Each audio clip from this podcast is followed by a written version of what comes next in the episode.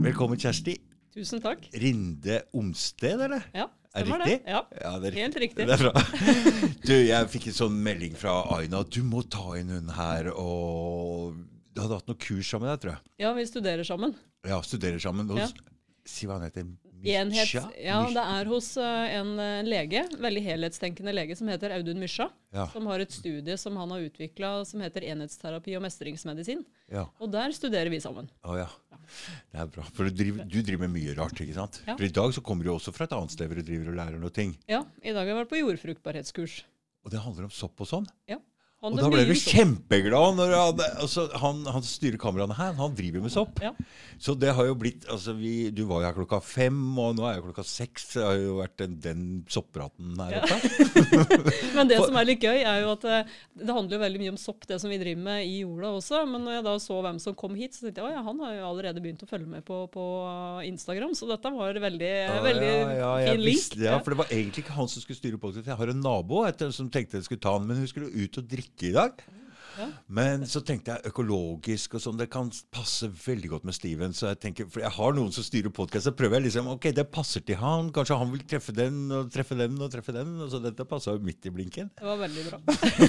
veldig bra. Så vi har nok mer å prate om seinere. ja. ja, det er bra å knytte sånne kontakter. og ikke sant, Dere driver jo og driver jo noe økologisk soppgreie, og det er veldig spennende det han driver. Ikke sant, Steven? Det er det.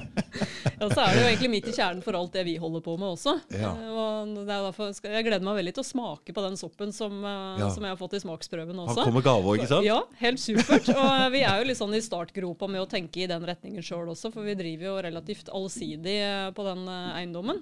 Ja.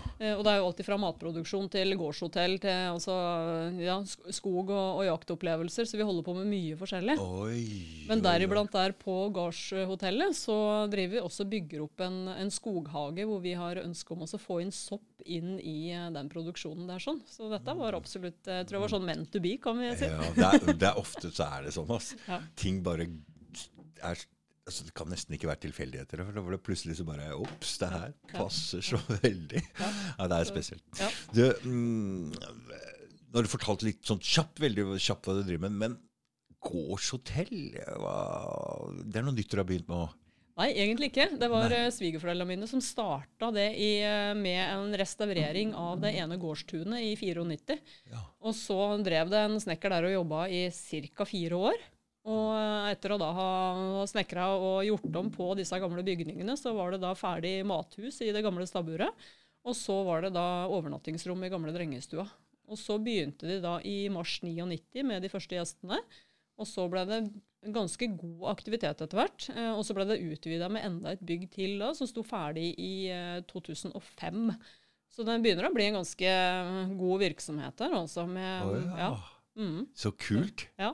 Og der er det jo som fokus i forhold til alt det vi holder på med nå. er jo da kunne... Kommer folk for å lære, eller kommer de for å lære litt? Eller? Noen kommer for å lære, men så har vi også veldig mange bedrifter som kommer til oss, og veldig mange som er opptatt av, eh, av det grønne, jobber med å få inn det grønne inn i virksomhetene sine, og, og er veldig opptatt de grønne, av mat. hva mener du da med de grønne? Også drive grønnere, rett og slett. da.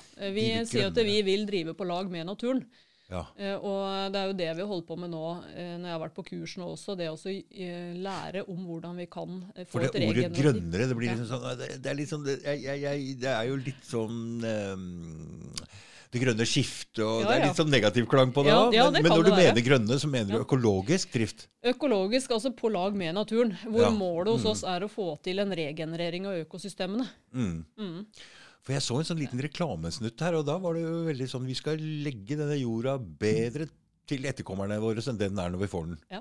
Mm. Og det er jo litt sånn perspektivet innenfor landbruket også. Mm. Eh, At man jobber ikke i kanskje tre til, eh, tre til fem års perspektiv, som man gjør, Det er sånn, altså. Sånn! Det blir noe bedre samme. Nei, men altså Vi jobber ikke i, tre til femårsperspektiv, sånn som man ofte gjør i en eh, annen bedrift. da. Vi jobber i generasjonsperspektiv.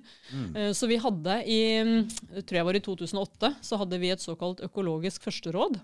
For å se på omlegginga av hele drifta til økologisk. Eh, og da, da sa han rådgiveren at her har det det siste stadiet av, av erosjon. Hva Og- betyr det? Det betyr Altså det er, det er den jorda den er så utarma og dårlig at det er Mm. egentlig ingenting å produsere mat i lenger. For det er ikke noe Riktig. liv i den eller noe, noe humus som gjør at du får de gode prosessene til å fungere. Dette må du fortelle litt om, for det er ikke alle for Når man driver gårdsdrift sånn og, og gjødsler med kunstgjødsel, Mhm. så er den, blir jorda rett og slett giftig etter hvert? Og som ikke den blir giftig, men i hvert fall jo mer du tilsetter av eh, næringsstoffer utenifra, da, som ikke er en naturlig del av kretsløpet, jo Mm. mindre aktivitet vil du få i mikrolivet i jorda. Og det Fordi noe av det er kanskje ikke næringsstoffer. Jeg husker jeg skulle kjøpe fosfor, og så Ja. måtte jeg kjøpe fosforsulfat. ja. Og det inneholder jo bare det inneholder jo så mye svovel. Ja, og så, så Men det er jo ikke noe ordentlig næringsstoff. Det er jo en giftig greie, eller hva? Jo, så det, alt er på en måte næringsstoffer eh, inn i, men det er jo det å få de riktige mengder. Det er jo det som er det vesentlige. Mm. Eh, og det som eh, er veldig vesentlig, sånn som vi holder på, da, Mm. eh, det er å vite hva er det vi har i jorda som utgangspunkt. Hvordan er det vi kan bidra til å få opp eh, alle disse prosessene som går naturlig i jorda. Mm. Og da må man på en måte fase ut mer og mer av, av disse kunstige tilsetningene. da, Mm. Og få i gang de naturlige prosessene igjen. Men dere må jo gjødsle med noe. Altså, det sies jo det at alt av næringsstoffer har du naturlig i jorda. Mm. Eh, men det er det å få i gang disse mikroprosessene som skal foregå der, både med bakterier og sopp og protozoer. Ikke minst også få, få sopplivet til å opp og blomstre. Da. Eh, fordi at det, eh, forholdet mellom bakterier og sopp det skal ideelt sett være én til én. Ja. Mens sånn som vi driver det moderne landbruket i dag, så er det en veldig tyngde av bakterier og veldig lite sopp. Fordi at du har både kunstgjødsel, eh, det er eh, lite gunstig for sopplivet. Eh, alt av sprøytemidler er lite gunstig for sopplivet. Massiv jordbearbeiding er lite gunstig. Så vi driver på en måte som gjør at soppen ikke har noen gode livsvilkår. Og det er å ta tilbake den eh, gode, rett og slett eh, drive på lag med naturen som gjør at du får opp igjen sopplivet. Da. For da får du også næringsutveksling i, i plantene. Du får eh, bl.a. mykorrhiza, da, som er en, en jordsopp som man kaller for røttenes røtter. Og de kan være milevis av lange disse sopphyfene. Som er kjempeviktig for både å transportere næring, transportere beskjeder. For det skjer utrolig mye i naturen som skjer under jorda, som vi ikke vil ha snøring på i det hele tatt. Men det høres ut som du har litt snøring, for dette her vil jo bli veldig vanskelig for meg. Altså. Men jeg skjønner jo nå at dette her må, du, se- må sette seg skikkelig inn i for å drive med, eller er det, eller er det Ja, altså jo mer vi lærer, jo mer forstår vi at vi ikke kan. Ja. Ja, Mm. og det er, Men det trigger jo en, eh, en kjempelyst til å lære mer. Og vi ser jo det at det skal vi på en måte klare oss å få til den gode gjenoppbygninga av eh, både jorda og, og økosystemet som vi ønsker, da, så må vi på en måte begynne å dyp, dykke dypere. Og, og det med jordforskning er jo en av de områdene hvor det er uh, egentlig forska minst på. Mm. Og så skjer det jo så enormt mye nedi der. ja. Mm. Men, er, men er det bare er- Hvor mange er det som driver med dette her og er interessert i dette her, sånn som dere driver nå? Jeg vet ikke akkurat hvor mange det er, men det er flere og flere. Det er flere og Det flere. er flere og flere. Og Mm. nå ser vi jo det at uh, nå har de da Felleskjøp bl.a. De har kutta ut uh, å selge mineralgjødselen eller kunstgjødselen nå ut året pga. at Ja, prisene ja, endrer seg så på så verdensbasis. Ikke sant? Mm. Uh, Kina har jo slutta med eksport av, av bl.a. fosfor for å, å ha til egenproduksjon. Eh, Så tenker jeg kanskje er det på tide å begynne å tenke litt annerledes i forhold til hvordan vi skal tilrettelegge for matproduksjonen vår for egen befolkning. da. Men du, hvordan så du på det der med det bondeopprøret og dette her? Er dere, var- det en del av det? Det Jeg så du meg, jeg sto først. Nei. Var det? Nei, jeg gjorde ikke det. Hva? Men jeg, jeg syns det er på høy tid at folk får opp øynene for viktigheten av skikkelig mat. Ja. Eh, og det er sånn beredskapsmessig også, så tenker jeg det er helt essensielt at vi har eh, en god egenproduksjon, Mm. både av maten, altså råvarene, men ikke minst også med, med frø. Da, fordi det er ikke noe selvfølge at vi skal kunne kjøpe såfrø fra utlandet heller. Nei. Og hvordan er det med disse frøene? For det har jeg bare hørt, og jeg har ikke peiling på det her. Okay? Men er det sånn at de frøa bare virker én sesong, og sånn, eller er det å kjøpe hele tiden? Hvordan er dette? Nei, altså Dette er jo forskjell fra Men altså de gode, gamle sortene, Mm. de kan du jo da altså Sånn som vi har jo oppformert eget såfrø til, eh, til urkorn som vi driver med. Mm. Eh, og da bruker vi jo det som en, et utgangspunkt for å produsere da år etter år, da. Mm. Mm. Dere skal være selvforsynt? Ja, altså, jeg mm, tror i, i stor grad vi er veldig tjent på å få tilbake det mangfoldet som vi hadde før i tida. Mm. Og det, jeg jeg drev også og leste litt i eh, en av de bøkene som heter 'Norske storgårder'. Mm.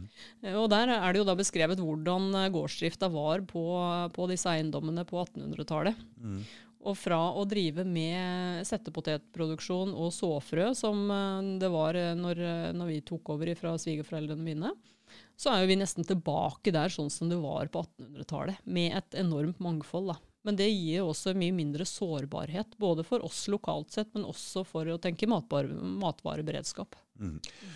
Og dette her er litt viktig, for det, er- driver de og presser ut den norske bonden vekk, eller hvordan er det der? Må du være så og så stor, eller hvordan er dette her? For jeg har hørt, jeg har hørt som, som klaging på det her, at så, Altså, vi prata jo litt om det i stad i forhold til med råvarepriser. Ja. Eh, og det, ja, det kommer varsler på at det nå øker matvareprisen. mm, Eh, men, eh, og det er ofte basert i råvareprisene. mm, mens hvis en begynner å se på råvareprisene, så har jo ikke den endra seg særlig mye til den norske produsenten siden omtrent 40 år tilbake. da. Og hvis du da ser på prisstigningen ellers i samfunnet, så har det jo skjedd enormt mye. veldig. Eh, Men hvis du da som eh, Si du produserte masse tomater, da. Mm. Og du eh, til syvende og sist altså du, ja, du endte opp med å bytte penger, da, så de gikk ut i null. Da hjelper ikke det om du tiganger produksjonen din, for du har fortsatt bare null.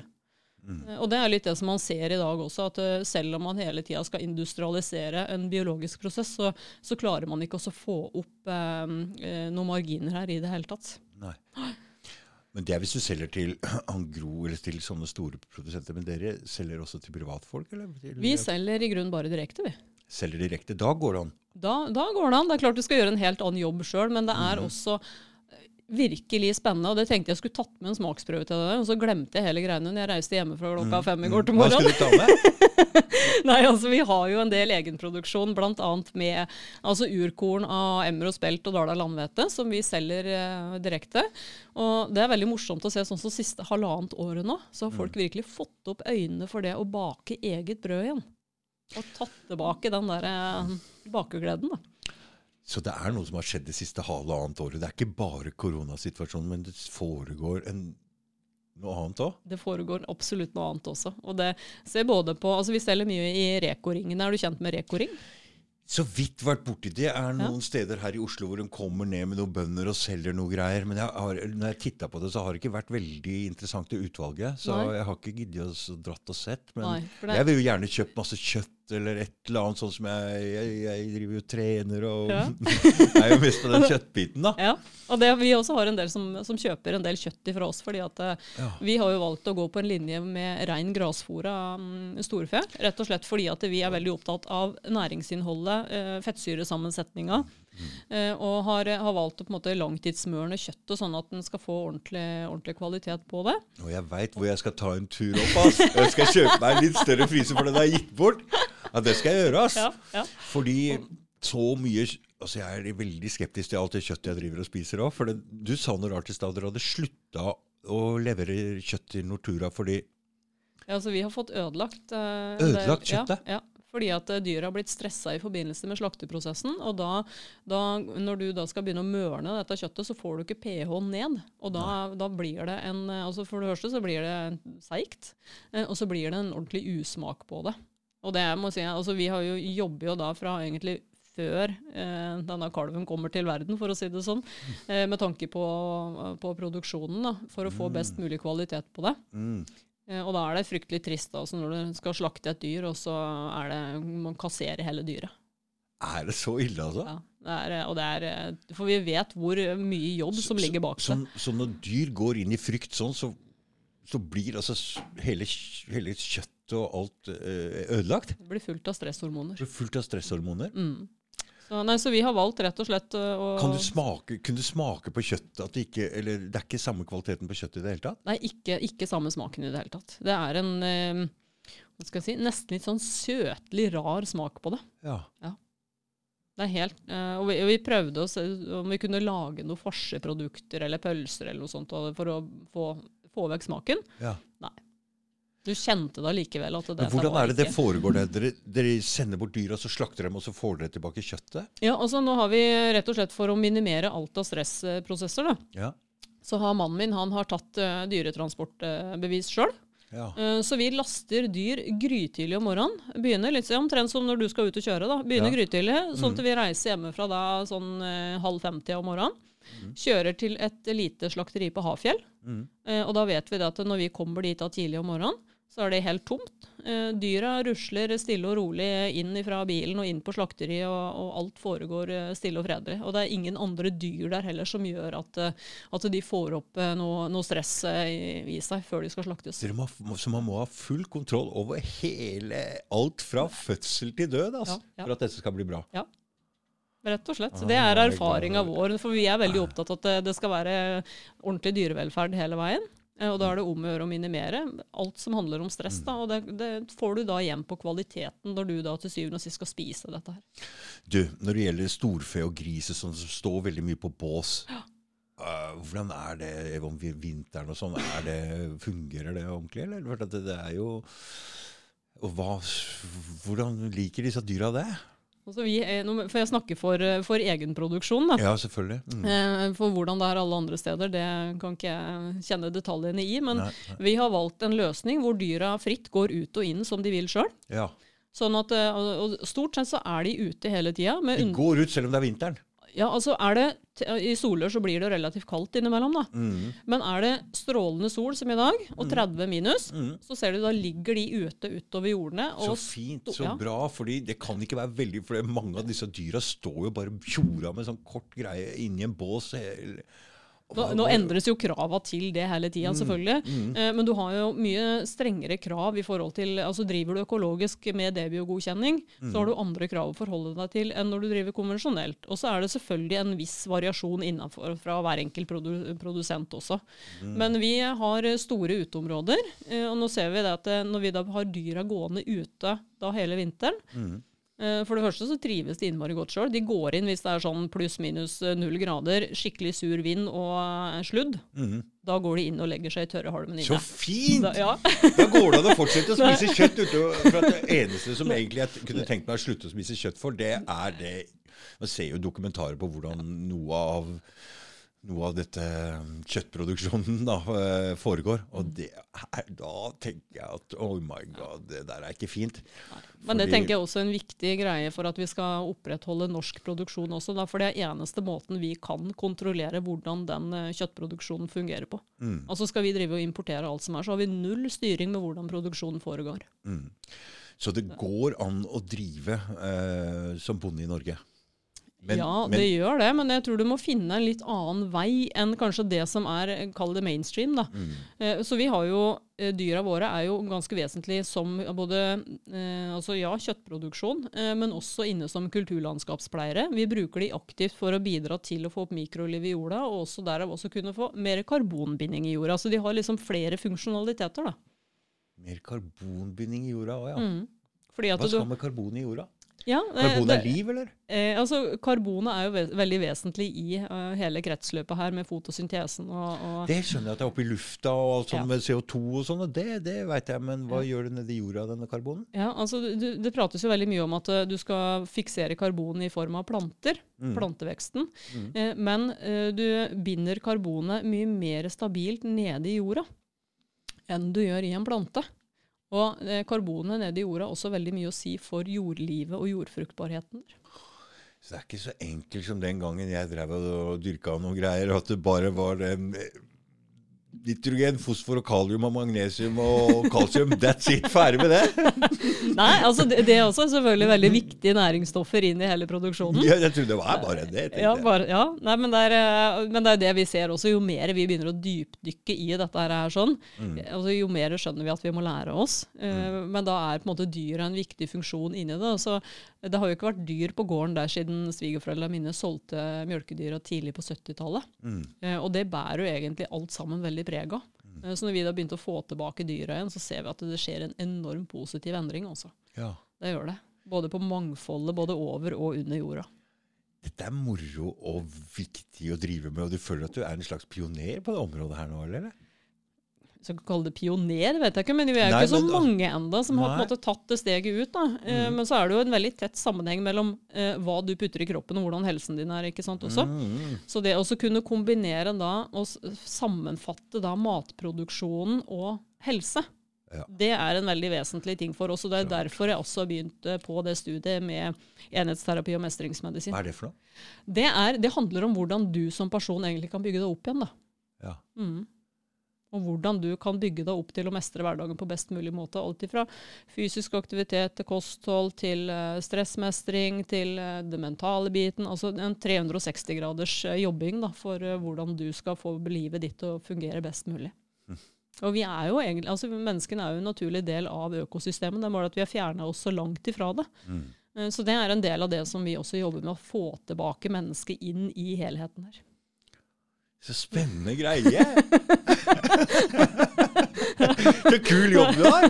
Ja, altså jeg ser, jeg ser ikke på det som noe jobb, egentlig. Nei, det, er, det, er mer, det er mer en livsstil og et- kall det et livsprosjekt. da. Mm. Mm. Så det, det er ikke noe A4 hver dag. Mm. Eh, veldig allsidige dager og ja, veldig, veldig mangfoldig. Og ingen dag er like hos oss. Mm. Men hva slags dyr har dere på gården? Nå har vi, vi har storfe, som er da en eh, det kjøttdyr som vi har. da. Mm. Eh, Og da har vi en rase som heter Herford, som vi har på morssida. Og så har vi, De er brune med hvitt hode. På morssida? På altså morssida, og så har du Mm. farssida, som vi Mm. da har, eh, har Angus, som er helt sorte. Eh, vi starta med Herford, for jeg tenkte det kan være fint til å nyttiggjøre seg uh, utmarksbeite hos oss. eh, og ikke minst også nyttiggjøre seg gras. Vi var veldig bestemt på det at vi skal kun grasfòre, vi skal ikke ha inn noe kraftfôr. Mm. Rett. Ikke noe kraftfôr. Ikke noe kraftfôr. Og det er rett og slett Men hvordan klarer dere å få til dette over vinteren og sånn? Eh, Altså, vi, da, vi har jo gras som vi høster i løpet av eh, sommersesongen, mm. som vi da har som vinterfôr da, Mm. i form av rundballer. Mm. Så det er, som er på en måte en, en syrning av graset som gjør at det holder seg gjennom hele, Er hele det det de ballene her? er? En Ja. syrning av gresset? Ja. Oh, ja. Mm. Du har jo noen som er bare halm også noen steder, men stort sett så er det gressballer som ligger da, som er til vinterfôr. Eh, og vi fikk jo ganske fort høre det når vi sa at vi kun skulle drive med grasfôring, at eh, ja, dette kommer nok ikke til å gå. Hvorfor? Nei, for man er veldig indoktrinert med at man skal bruke kraftfôr i eh, den type produksjon, mens kua den, har jo, den er utstyrt med fire mager. eh, Og er jo absolutt rigga til å fordøye graset og få ut næringsstoffer av, av graset. Mm. Eh, Så, og ikke minst også for å få da best mulig fettsyresammensetning i det kjøttet som vi da til syvende og sist skulle selge. Så på, vi, det høres bra ut! ja. Men da tenkte jeg ok, skal vi få, klare å få den fettsyresammensetninga med høyest andel av omega-3 og, og få redusert omega-6-nivå, for det omega-6 som er et betennelsesfremmende mm, fettsyre, Mm. eh, den øker veldig når du får mye kraftfôrbasert fôring. Ja. Mens du da har stikk motsatt effekt når du kjører på med gras. Det er mye å sette seg inn i av eh, mat og kosthold. Så vi må bare overlate dette til ekspertene, og så må vi bare spise det vi får beskjed om. Ja, men altså, jeg tror det handler om å spise renest mulig råvarer. Da tror jeg du har gjort veldig mye. Så når kan det komme opp og få fylt opp fryseren? Når skal dere slakte? Ja, nei, nå driver vi og venter nå på Altså, vi har jo en stor, eh, stor frysekonteiner hvor vi har, eh, har masse kjøtt tilgjengelig. For vi selger jo jevnlig mye i Reko-ringer og har en del som kommer direkte til oss og handler. Mm. Ja, Så vi har på en måte liggende en del på lager hele tida. da. Eh, Så der er det stadig noen som er innom. Ja. Og så driver vi nå og planlegger nå ny slakting nå i november. Og da blir det både, både storfe og sau. for Vi driver jo med, med sau også. Mm. Ja, det var litt sånn tilfeldig, fordi vi bestemte oss for å starte med juletrær. Og så begynte vi å sette oss inn i juletreproduksjonen, og da skjønte vi at oi, her var det mye bruk av sprøytemidler. Ja. Det har vi ikke noe særlig lyst til. Nei. Og da begynte vi liksom å leite hvordan kan vi drive øko med juletrær også. Og da fant vi ut at eh, da må vi ha en sau. Fordi at sauen er en ypperlig kulturlandskapspleier inn i juletrefeltet. Mm. eh, For å beite rundt disse juletrærne. da. Jeg rører ikke trærne, ikke sant? Nei, det er en, altså vi har en helt egen rase som heter Shropshire. Ja. Ser ut litt som Seven Shaun-sauer, egentlig. Ja. Eh, og langhala sauerase fra Storbritannia. Mm. Eh, og de eh, viste seg også at de hadde veldig god kjøttkvalitet. Så vi har jo på en måte de gående i juletrefeltet hele sommeren da, og gjøre jobb. Så sau er ikke sau heller? Nei, det er ikke det. Nei. Men sau Du sier alltid bare lau. Lam. Men det er ikke lam vi får servert, det er sau. Ja, det er nok en god blanding, tror jeg. så, og så har vi siste, siste inn på stammen nå da, med, med dyr, det er høner. Mm. Så nå driver vi også og etablerer og skal lære oss den produksjonen også, da. Hvordan klarer noen å selge en, eh, en sånn kylling eller en høne da, for 40 kroner i butikken? Ja, det er et godt spørsmål. Hæ? Det er et godt spørsmål. Det er jo stort sett volum eh, det går på. Mm. Mm. Det er det. Fordi det må være Altså, det skal jo fraktes, det skal jo Ja. betales moms av, det er jo Ja. Jeg skjønner ikke hvor mye hver de får betalt sjøl for den derre Nå er jo dette kanskje et sånt tilbud de har i butikken som ikke butikken tjener noe, men på likevel så er det jo slakt, frakt Mm. opp Altså, det kan jo ikke koste ti kroner for en sånn. Altså, det, Nei, altså, jeg- jeg- jeg kjenner fatter ikke- Nei, jeg fatter liksom ikke Det er billig. Ja, Altfor billig. Ja. Og det, det er det jo stort sett. Altså skal du ha skikkelig mat, Mm. uh, så, er det, så må du betale mer, selvfølgelig. Men det, det er jo det som går litt igjen i samfunnet generelt hele veien, Mm. at alt skal være så billig. Og da en får jo det en betaler for. Ser du da, kyllingfileten er jo sprøyta full av saltvann? Det er veldig spesielt, syns jeg. Ja, men det er klart, altså Sånn er det med all mulig mat. Altså, skal det, være, skal det bli billigst mulig nok, så er det Ja, Det, det er dessverre sånn at det blir mye matjuks, rett og slett. For det er vanskelig å se på noe annet enn pris. ikke sant? Det andre er litt vanskeligere. Det er masse e-er, det er sånn og sånn. og Hvordan skal vi sette oss inn i det lille skriftet? Jeg må ha på briller og lese og sjekke, sjekke i biblioteket hva er dette betyr. Ja, Så det er jo litt sånn vanskelig, ikke sant? jo det er det. Det er veldig komplisert. Pris er lett å se. Ja, pris er veldig lett å se. Men så er det noe med å se på hva er det eh, så Har du mer enn uh, fem ulike ingredienser i det, da, så kan du bulle og lure er det egentlig noe jeg burde spise. Mm. Og når du da får masse E-stoffer i det med altså, eh, tilsetning på konsistensmidler og, og ja, kanskje vann er det første som står på, på ingredienslista, da, Mm. så er det kanskje ikke det beste utgangspunktet for å gi kroppen din noe næring, for å si det sånn. Nei. For alt, Man ser jo mer og mer av det i forskning også, at de ulike konsistensmidlene og tilsetningene eh, og all, altså den ultraprosesserte maten, da, som er så bearbeida til kroppen din, den kjenner ikke igjen råvaren i det hele tatt. Den påvirker jo veldig negativ grad, og det er klart det henger sammen med psykiske og fysiske lidelser med hva vi faktisk driver og putter i oss. Også. Du vet, eh, Det var noen sånn som Joe Rogan og Peterson og som prøvde bare å spise kjøtt som carnivore. De, er- men, men de spiser jo ikke kjøtt, sånn masseprodusert kjøtt. De spiser jo vilt. Ja. Og det viltet tar jo opp alle næringsstoffene fra, fra naturen i kroppen, så da går det kanskje an du får kanskje et fullkosthold. Så du får jo en helt annen base hvis du driver og spiser så mye forskjellig som du finner i naturen. Mm. Og det er liksom, altså vi, vi jakter jo elg også, mm. og følger jo veldig med på de prosessene hvor de beiter hen. Du, det, bare ja. stopp litt. For det, du sa du på den der hotellet deres, så ja. sa du noe om jakt? Du sa det, ikke Ja, jeg sa det. Du vet, jeg har tatt jaktlisens. Ja. Også, men jeg har ikke betalt den greia. Nei. Og så har jeg ikke søkt om våpen ennå. Og jeg fikk avslag første gangen. men da skulle jeg absolutt ha alt mulig rart, og automatgreier og alt mulig, så det fikk ikke jeg. Men jeg tenkte jeg har lyst til å prøve å være med på det en gang. Ja. Så jeg tenkte jeg skal betale den lisensen. Jeg tror jeg har betalt lisensen, men ikke søkt om Jeg tror jeg er med, altså. Ja. Jeg. Ja. Nei, for hvis du, sånn som hvis du skal jakte storvilt, da, mm. så må du da også årlig ha en oppskytning. Å, må du ha det òg, ja? Ja, det Å, må ja. du da. Å, ja. Og avlegge storviltprøve. Å ja, du må det. Det altså. må du, sånn Mhm. at du faktisk vet at du, du kan skyte. Mhm. Eh, For det å skulle være ute på jakt og ja, f.eks. jakte på elg, da, Mm. og drive og sk- ende opp med å skadeskyte noe sånt noe, det er eh, ingen god opplevelse. Ende opp med å skadeskyte en elg, ja. Ja, det, er, eh, det kan fort være en konsekvens hvis man ikke er eh, trent i enten å skyte eller eh, ja, bedømme avstander. Det er, liksom, det er veldig mange faktorer da, Det skjønner jeg når jeg ser uh, disse politi skadeskyter og dreper folk. For De burde i hvert fall gå for litt våpenopptrening. De burde jo ikke det.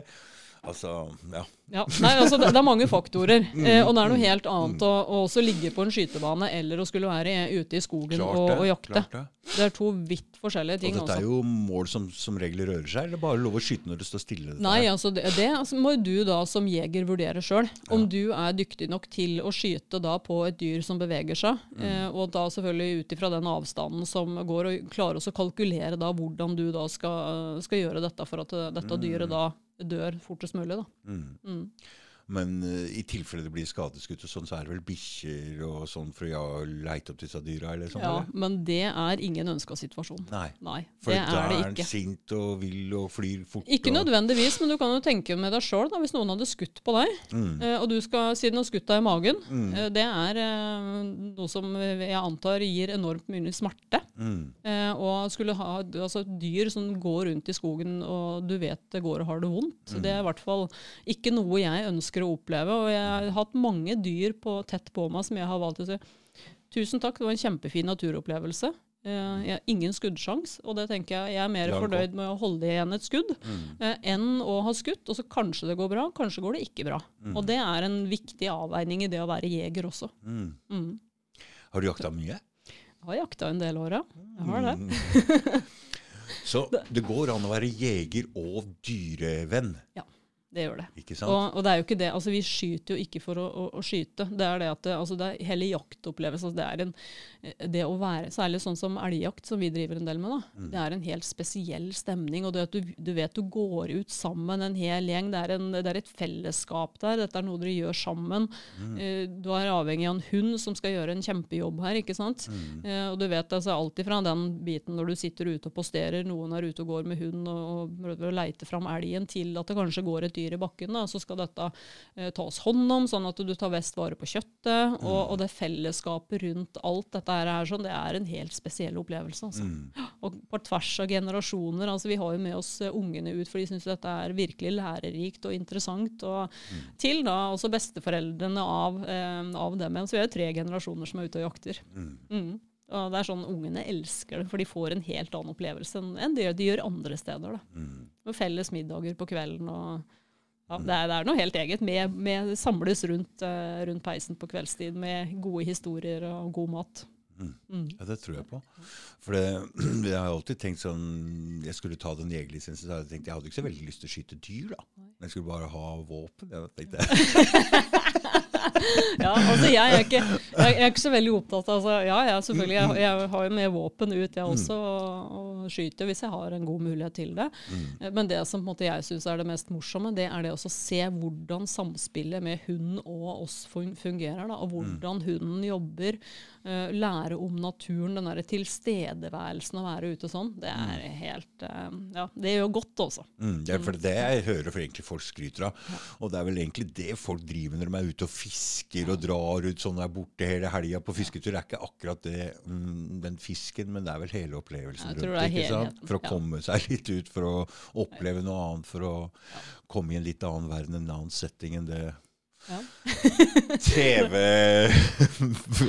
TV-greiene. Ja, ja og det, det ser jo mange av de som er hos oss på, som gjester også. Mm. Syns det er så godt å komme litt ut av eh, ja, rett og slett byen og Mm.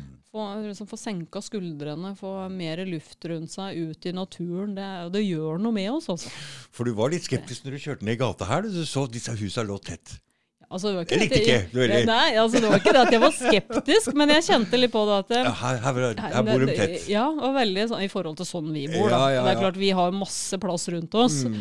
Eh, men da jeg da så ut, uh, ut ut vinduet på baksida. Så kjente jeg at oi, her bare åpna det seg. Ja, det vinduet og det å kunne ha den svære som aldri skal bli bygd på heller, for det er jo naturreservat her. og sånn, så det er jo Det er, tror jeg er um, Ja, det er beliggenheten her som er uh, egentlig gull med den leiligheten her. Ja.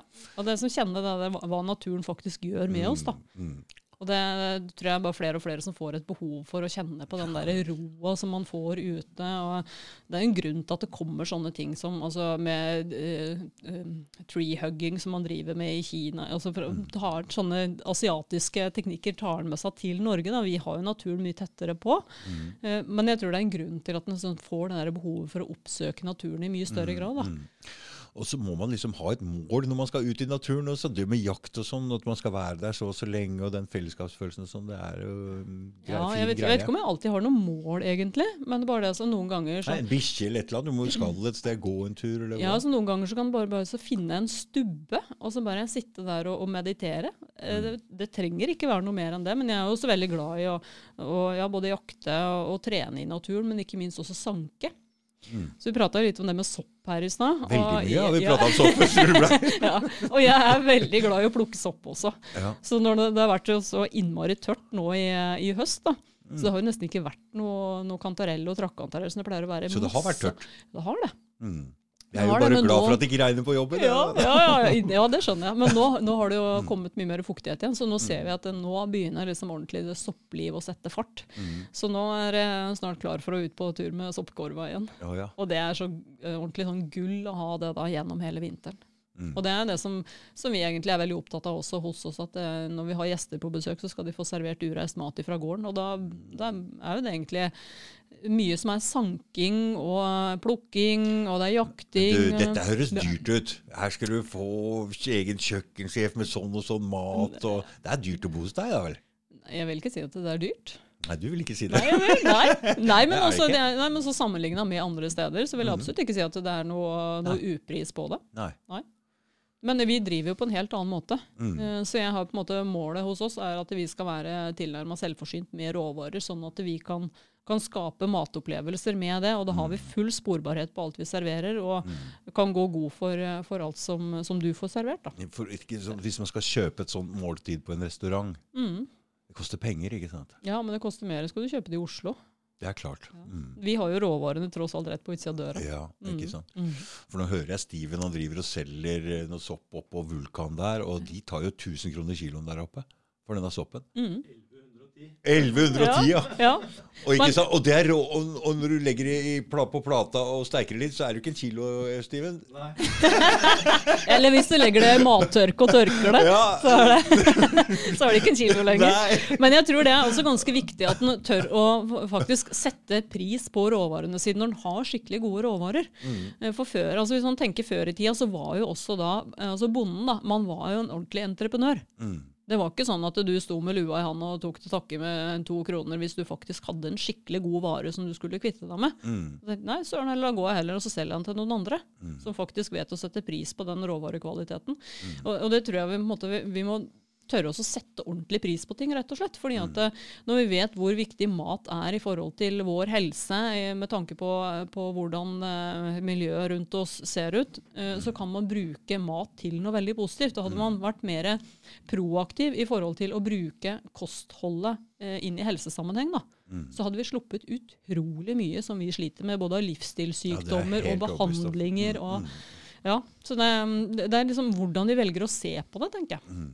Jeg satt og så, når jeg kjørte bil, så tenkte jeg der gikk det en litt sånn også litt eldre dame, da, litt tjukk og bikkja hennes, og det gikk på en veldig Så tenkte jeg kroppen din er altså så viktig. Så begynte jeg å tenke på Jeg har noen sånne her og der. Jeg må begynne å tenke på at den kroppen jeg har, den er eh, Det er mitt vessel, eller det er min, mitt fartøy. Jeg må ta vare på den. Ja, du har bare én. Eh, Du har bare én, så selv om jeg trener og holder meg i form, så er det jo alltid jeg har noen vondter her og der. og Jeg tror jeg skal bli enda flinkere til å For det er alltid noe å strekke seg mot, og alltid noe å bli bedre med. det. sant? Det snuser veldig mye, så det, det, det er jo en sånn usunn ting. Men, men det med kosthold også.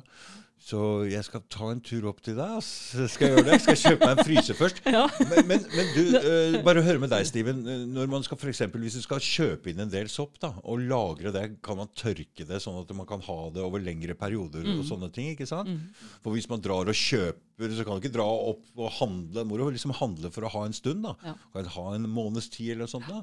Og det går an å tørke det ikke sant? og ha det på en fin måte sånn. Og så kjøttet går an å fryse ned. ikke sant? Det gjør det. Og sånn som man sier, jeg tørker jo mye, mye sopp. For det er jo klart det er begrensa soppsesong sånn stort sett eh, når man bor i? Norge. Mm. Jeg tørker veldig mye, bruker mattørke. Eh, og den soppen betyr det? eh, altså det, er en, det er en dehydrator, da.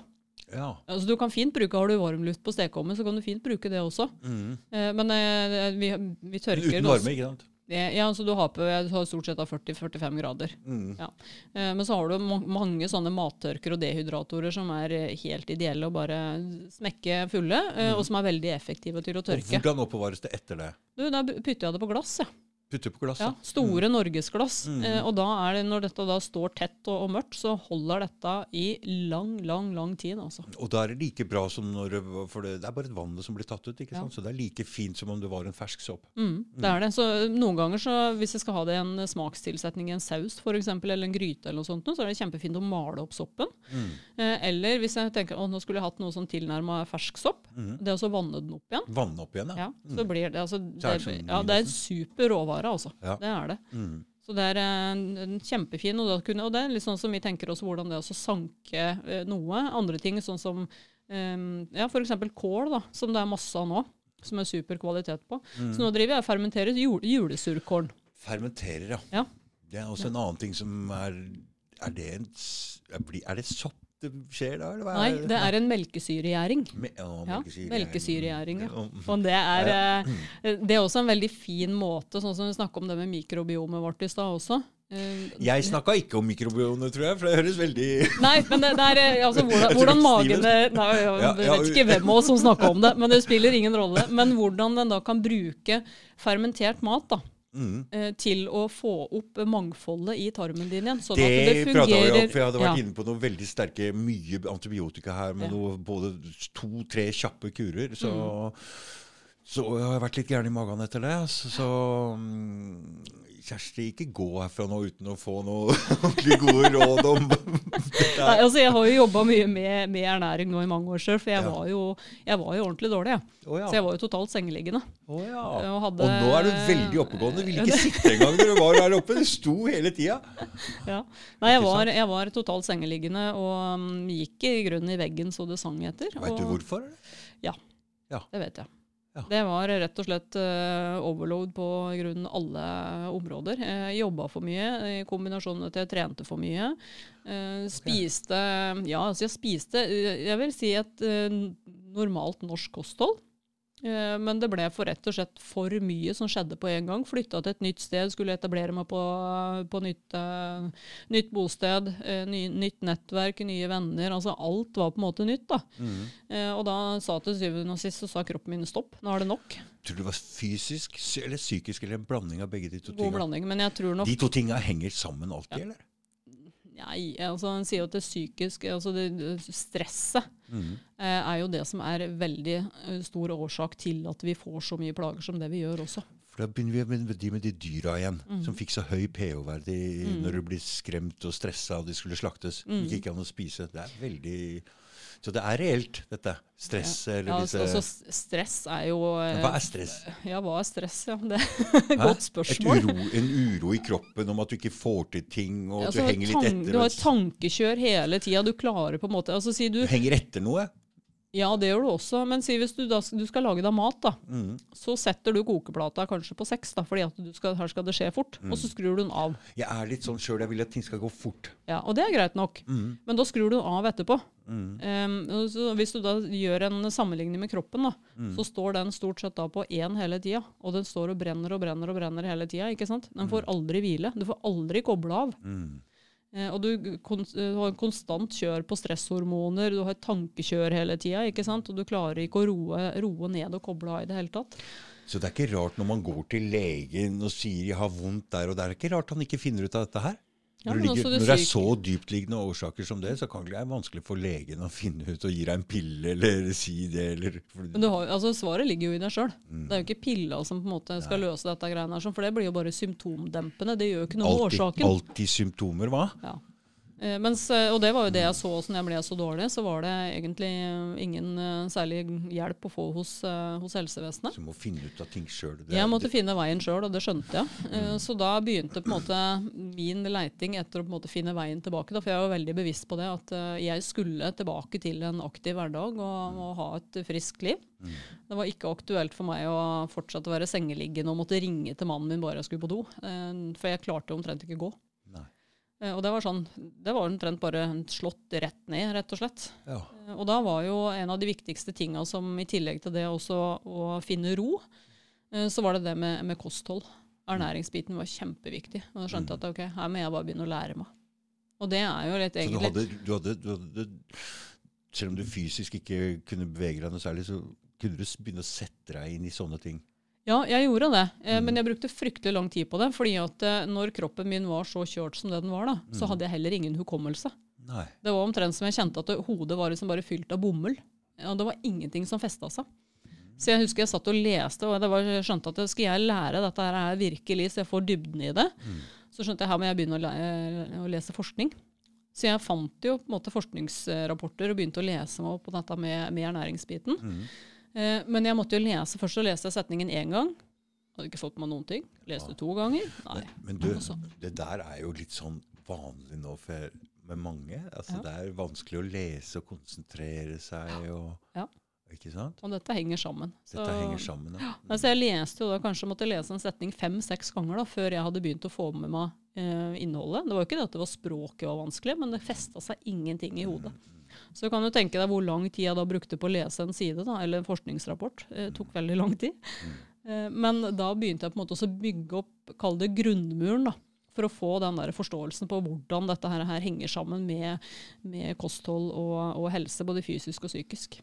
Hvor lenge siden er dette her? da? Det var i 2007, var det vel, som jeg gikk ned for full telling. Mm. Men du er like umettelig etter ny læring ennå, for du fyker jo av gårde til det ene kurset, og nå er det på det andre kurset, pluss full gårdsdrift og sånn. Må si du har kommet deg bra. Ja da, jeg har, jeg har det, men jeg har også blitt veldig bevisst på hva det er som skal til da, Ja, for at ting skal funke. ja. Mm. Og det er jo det, altså jeg får jo veldig mye henvendelser også. Hva gjorde du? Mm, For det er jo, altså jeg fikk jo, ble bl.a. diagnostisert med ME. Ja. Eh, Og det er litt den derre eh, Hva er det? Hva, ja, hva er egentlig dette her, her sånn? Og det er litt sånn gåtefullt, ikke De vet veit ikke ordentlig. Nei, man vet ikke ordentlig. Men så ser man også det at det veldig ofte når du har ME, så har man en, en feil i karbohydratstoffskiftet. Som er veldig relatert til mat. ikke sant? Hva du putter inn i kroppen, og hvordan det fungerer. Mm. Så, og det skjønte jeg. Begynte å koble en del sånne ting etter hvert. da. Men eh, det var jo ingen som Men hadde du noen symptomer på noe i forkant? Eller? Ja, altså, kroppen hadde nok sendt mye signaler over lang tid. Mm. Men jeg hadde ikke lytta til det. Hva slags signaler? Hva slags uh, forvarsel fikk du? Nei, altså, alt ifra um, at jeg på en måte uh, kanskje ikke klarte å roe meg ordentlig ned, rett og slett, Mm. uh, til i, altså innsovning. Men kanskje våkna jeg opp på natta. Det gjør jeg hele tida nå. Ja. Eh, kjente det i muskulaturen. altså Jeg har jo alltid trent og vært veldig aktiv, og plutselig kjente jeg at jeg, liksom, jeg fikk liksom ikke hvilt ut ordentlig i muskulaturen. En del sånne signaler som jeg har sett etterpå, da. Det er lett å se etterpå, ikke sant? Ja. er Etterpå så skjønner man det. Ja, ja. Fordi, Skjønner du kjempegodt Ja. etterpå. Men da, Derfor så er det viktig at man lærer av andre folk Mm. som har vært igjennom det. Ja. Ikke sant? Men jeg, ser, og jeg husker jeg lå på sofaen, for jeg ble så lysømfintlig også, vet du. Mm. Eh, Så jeg husker jeg lå på sofaen hjemme med de mørkeste Oakley-brillene som jeg hadde klart å få tak i. Og så husker jeg lå og tenkte herregud, hvorfor skal jeg igjennom dette? Hva er, som, hva er grunnen til at jeg jeg opplever dette? du ser dette? hvorfor du skal gjennom det nå. Jeg ser det nå. Ikke sant? Og det ble nesten litt sånn jeg kaller det nesten litt sånn identitetskrise, da, for jeg var helt rå på å gjøre ting og få til ting, og gikk fra det ene til det andre. Mm. Og så plutselig så ligger jeg der, og så klarte jeg ikke å gjøre noen ting. Verken for meg sjøl eller for noen andre. Så det ble nesten litt sånn identitetskrise. Ja. Hvem er For egentlig du har jeg? bygd opp hele jeget ditt rundt det at du var sånn, og så plutselig så hadde du ingenting av det. Nei. Rundt akkurat det å gjøre. Mm. Til å plutselig bare Så var det bare å være. Mm. For det var det eneste jeg klarte. Mm. Mm. Så, så, så rart. Det er så fint. Så, men, men du ser jo nå, siden For det har leda deg inn på den reisen her. Mm. Det har det. Og det har jo på en måte vært basisen til veldig mye av det som vi gjør nå i drifta også. Alt ifra det vi liksom driver med på, på mikronivå i jorda, til, til det vi velger å servere gjestene når vi har gjester på Opaker, eller som vi selger i Reko-ring. Så når folk får seg en sånn trøkk, en sånn karamell, hva som helst, hva det enn er i livet, som de er nødt til å ta tak i det, det er en bra ting. Det kan være relativt Ikke- tøft når du står midt oppi Ikke sant? Men man må igjennom noe. Altså Jeg ser det jo på mange som har vært her. Det Mhm. er et eller annet som har gjort at de må våkne opp og ta tak i ting sjøl. Og nå sitter de her og kan ting, de gjør ting som er absolutt til det beste, til noe bra for hele samfunnet. Mm. Så man må nesten se litt motsatt på ting. Når, ting, når du får deg en på trynet, når du får sånn, så er det egentlig en bra ting. Ja. For det, er det du vokser av, det er det du lærer av. Jo hardere den trøkken er, jo mer lærer du. Ja. Jo dypere er du nødt til å gå i ting. Og det er det jeg ser nå. Det, Ja, det er det du ser nå, Ja. ikke sant? Eller jeg har sett det en god stund nå, Ja, men ja, jeg, ja. ser, altså jeg hadde jo aldri klart å tilegne meg den, den kunnskapen. Og, okay. hvis ikke jeg hadde, altså Du kan ikke studere deg til dette på et universitet. Du må ville det, og du Ja. må leite sjøl. Ja. For det er ingen som kan lære deg det. Spesielt alle. Jeg ser jo mange som har hatt andre sykdommer, og de må nesten gå inn og finne ut hva det er sjøl. Søke, leite, prøve, feile. Ja. For å finne ut ok, det er det her. Mm. For ingen det- som kan hjelpe deg egentlig. Nei, det er- ikke det. Men jeg ser jo at eh, nå har jeg et enormt godt grunnlag for å kunne jobbe videre med, med det, altså det store livsprosjektet vårt. Mhm. Mm. Så hvis man bare stoler på legen og legger alt i hendene på han, da er du bare et barn. Altså Jeg er redd for at jeg da hadde vært uh, uføretrygda i dag og Mm. totalt ufun ufunksjonell. Man må ta ansvar for sin egen sin eget liv Mm. og sin egen helse. Det er, hvis man er en voksen, selvstendig, ordentlig Mm. person, så kan man ikke bare gå og si 'hei, legen', og så bare stole på det du får derfra og si at 'nå er alt i orden'. Nei, og det er det sånn man fungerer ser. det ikke. Nei, og sånn i, i funksjonell medisin eh, også, så ser man jo det at det er liksom, hva, ok, hva er det jeg kan hjelpe til med som, som fagpersonell, eh, men altså, hva, hva kan du gjøre sjøl? Mm. Ikke bare, altså, det, det er ikke sånn møte opp, og så forventer du at noen skal fikse det. Det er bare barn som kan være sånn, og jeg ser nå at menneskeheten er, eller mange, flere og flere av menneskene er på vei til å bli voksne. Det skjer veldig, veldig mye, og jeg må bare si den, den det, det må vi også. Vi må vokse opp, vokse opp litt, og vi kan ikke bare stole på andre, uh, for det fungerer ikke sånn. Nei. Nei, og det er, altså bare det med, med mat, det er ingen selvfølge at du får kjøpt alt du vil i butikkene i framtida heller. nei, det, er, nei, eh, nei. det skjer en endring med Mm, verden. mm, altså mm, når, mm. når land etter land stenger grensene sine for eksport av, av råvarer, Ja, så tenker jeg ja. at det er greit å være litt i forkant der å, også. da skal det være fint å kjenne Kjersti! Ja, da, men jeg tenker vi, vi har en mulighet. Ja, Og det, ja, det er noe med ja, å ja. gripe den også. Du, det er så mange av de jeg kjenner nå som prater om dette her, og kjøper seg noe et eller annet sted litt i utkanten, og, og, og har lyst til i mye mindre skala selvfølgelig enn deg, eh, å drive med noe selvproduksjon av Ja. et eller annet. Ja. Det ligger så veldig i, i bevisstheten til folk nå. Det gjør det. og det er kanskje ikke så rart, for det altså, vi, vi hører jo en del ting eh, om økonomi og ting og tang, og vi ser en del faresignaler, og prisene går opp, og vi får noen doomsday-varsel og og, både det ene og det andre. Mm. Så mm, det er kanskje ja, ikke så, så rart. Nei, vet du, Jeg tror det er veldig greit å være i forkant. For det, dette er ikke ting som man på en måte klarer å altså Du klarer ikke å øke si produksjonen av storfe, da, som vi kjenner ganske godt. Mm. Den klarer du ikke å øke i løpet av noen måneder. Nei. Dette må gå over år. ikke sant? Mm. Og Da kan du ikke plutselig stå der og si at nei, men nå får vi ikke, får vi ikke kjøpt uh, kjøtt fra si Sør-Amerika. da. Mm. Fordi at handelsavtalen vår den er det ingen som er interessert i å følge opp lenger. Mm. Da, kan du, da, er du liksom, da er du litt for seint ute hvis du da helst skulle hatt inn da x antall tonn til butikkene neste uke. For dette tar ganske Men lang tid. De, altså, gjør de det så vanskelig for den norske bonden at det, det blir mindre og mindre egenproduksjon her i landet? Er det det som foregår? Altså Sånn som eh, systemet utvikler seg nå, Mhm. eh, så tror jeg altså, nå ser vi det er flere og flere som selger landbrukseiendommene sine, og som avvikler produksjonen. Mhm. Eh, og vi får på en måte større og større enheter, som tilsier også at det blir mer og mer sårbart, det vi holder på med. Mm. Eh, familielandbruka de går vi nesten sagt mer og mer bort ifra fordi at det er ikke levedyktig. Men det er ikke Altså nå har du gifta deg med en som er oppvokst på gården der. Mm. Men jeg er også fra gård. Du er også fra gård, ikke Ja, sant? ja. Så det er ikke bare bare for hvem som helst å kaste seg inn i det her. Eller er det det?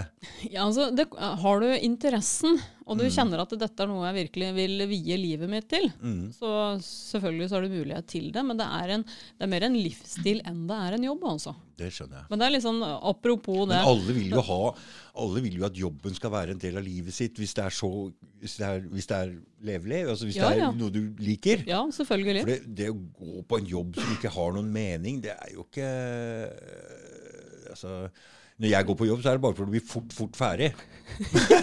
jeg ser jeg blir heia på små barn og sånn. Yes, dere gjør en god jobb. Men jeg tenker nei, jeg gjør det for at det er god trening, og at det er litt tøft, og, og at jeg vil komme fort hjem. Ja, Men, Ja. men det er ikke noe mer enn det. nei. Nei og det, vi, altså, vi har en helt annen innstilling til det. for det, Klart ja. det blir, jo, det, blir jo livsstil for vår del. ikke Mm, sant? Også, om jeg skal ut igjen en tur på kveldstid og gjøre litt ute altså, altså, Jeg tenker jo ikke på det at ah, nå må jeg skrive time for det. liksom. Nei, nei, nei. Nei. Mm, Det er en naturlig greie, egentlig. mm, mm. Mm.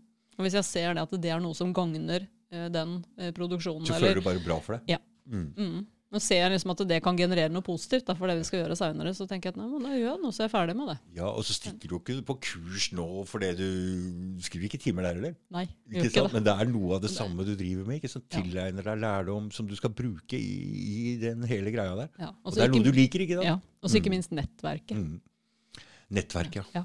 Det er, eh, ja, nå har jeg vært borte nå to dager på kurs, Mm. og, og det er en, altså en fantastisk gjeng med mennesker som, altså, som bare deler og øser ut av den eh, kompetansen som de har, og det er, eh, ja, vil at andre skal få det til. Da. Og det å være i sånne miljøer, det, Ja, det, er, du, det handler om å gi. Og man får tilbake fra andre kanter som man aldri kunne skjønt. Nei, nei. Så jeg føler Når folk begynner å prate om hei, du må begynne, skal du tjener penger på dette her, eller du kan prøve et eller annet, så sier jeg hva er det Det Geir snakker om her, da? Dette er, prøver jeg å min greie å bidra til å gi et eller annet, og jeg får igjen med eh, altså, av I alle, alle andre kanter av livet så blomstrer det opp. Ja. Så Ja, Jeg tror, jeg tror det er kjempeviktig. Den der sant? energien som den det bidrar gi- til. Det Ja. gi-greiene, altså det, det er den det er, Da er du kobla på riktig energi. Ja. Gi og være blid og del og med alt du kan, og hjelpe til alt du kan med hvem som helst. Ja. Det, er den, Nei, er, det er det du får tilbake av. Så hvis man kobler seg på den greia, det er så viktig. Ja. Ja, det, det er det som jeg syns er så morsomt også. Å kunne Mm. se enten at, at ja, du får bedre helse da, fordi at jeg kan bidra til at Ja, du utvikler deg i riktig retning. Eller Ja. du klarer å få til å bake surdeigsbrød fordi at uh, du får litt ekstra påfyll. Så tenker jeg det er kjempefint. Ikke sant? Det, ja, det er det man det er liksom glede å kunne ja. Så man kan ikke måle ting i penger og sånne ting, ting. Det er, så det er noe helt annet som gir, gjør dette livet verdt å leve. Ja. Og det handler om å gi. Ja. Gi med den riktige energien uten å forvente noe tilbake med den positive blide greia der. Det, nei, det har jeg skjønt, for jeg har klart å koble meg på den. Ja. Og noen ganger så har jeg kobla meg òg. Da har det vært helt Hva er det som skjer nå? Er det, er det ikke noe mer energi i denne podkasten? Og så har jeg skjønt igjen Hei, du, du, du. Vent nå litt her. Her handler det ikke om Her må det handler ikke om deg, eller det handler ikke om noe.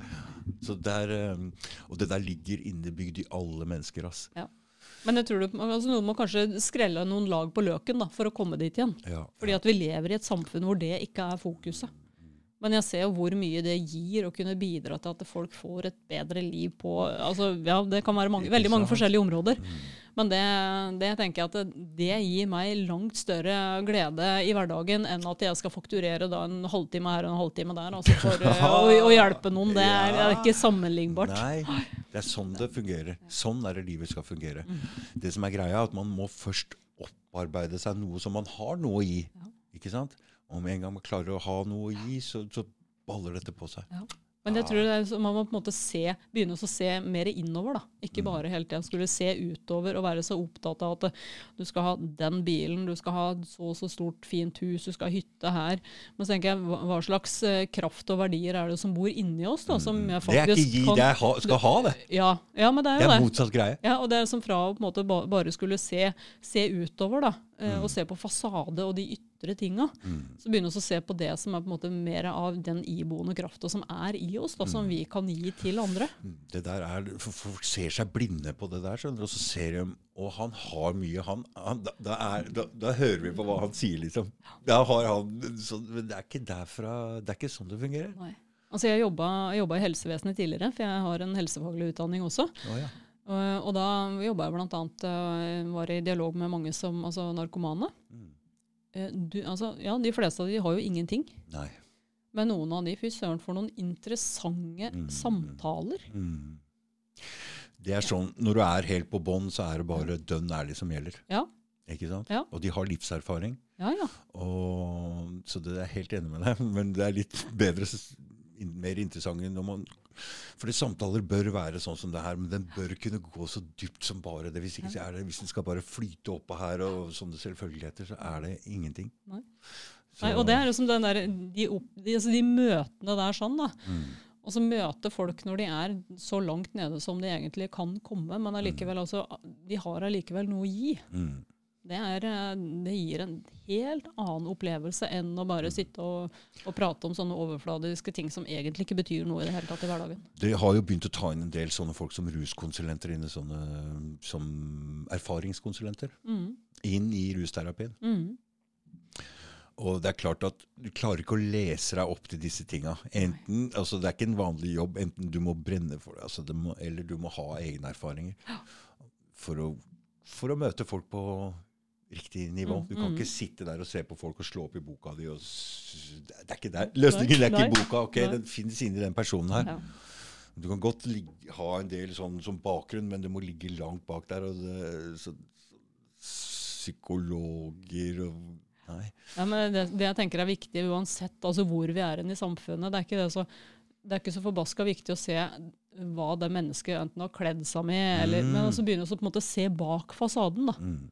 Men du veit at de som driver med den fasaden, det er bare de som er usikre og mellomredde. Fordi jeg søkte om jobb på Linøya Slipp, og der står det en dame og vasker vinduene der. Mm. Og jeg tenker det er vaskekjerringa, men det var Norges rikeste dame, ok?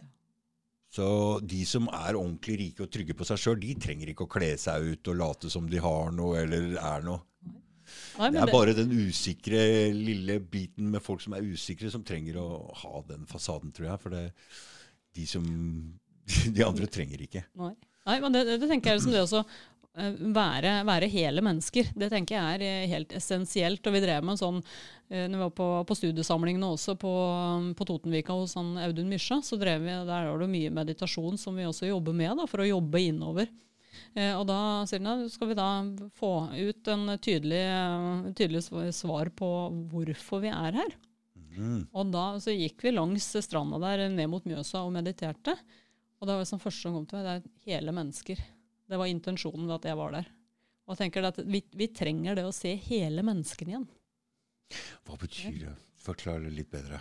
Ja, så Det å kunne vise alle sider av en sjøl. Ikke sånn som hvis du tenker i sosiale medier, så er det stort sett bare det som er fint og flott, som, som mm. det er Mm. rom for. Mm. Eh, Men vi trenger hele menneskene igjen, rett og slett. yeah. Det, du vet, jeg, jeg er jo sånn som plutselig for noen år siden drev og viste Se hvor rotete jeg har hjemme! Ja, ja og sånn, sånn tror jeg det er alle steder Ja. innimellom. Det er, det, er, det er ikke noe sånn glansbildehjem. Og jeg har jo hatt podcaster her hvor jeg sitter og bretter Jeg hadde jo broren min her, og vi satt jo bare og blablabla. Sånn var det her. Ja.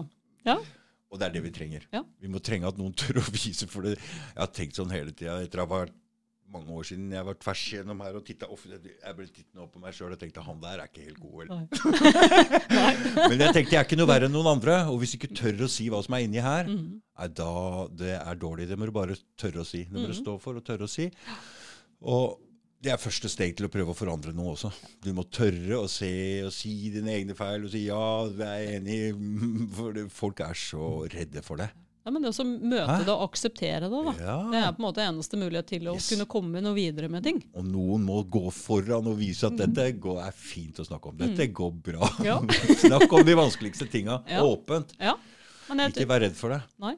Og det tror jeg så skal vi på en måte kunne klare å drive det samfunnet vårt framover også. da. Mm. Så må vi tørre å ta opp disse utfordringene. Enten det gjelder altså om det er helsevesen som vi skal diskutere, eller om det er matsystemer, eller det om det er psykisk helse, om det er rusproblematikk, altså hva enn det er for noe. da. Mm. Så må vi på en måte tørre også å diskutere dette på en helhetlig måte.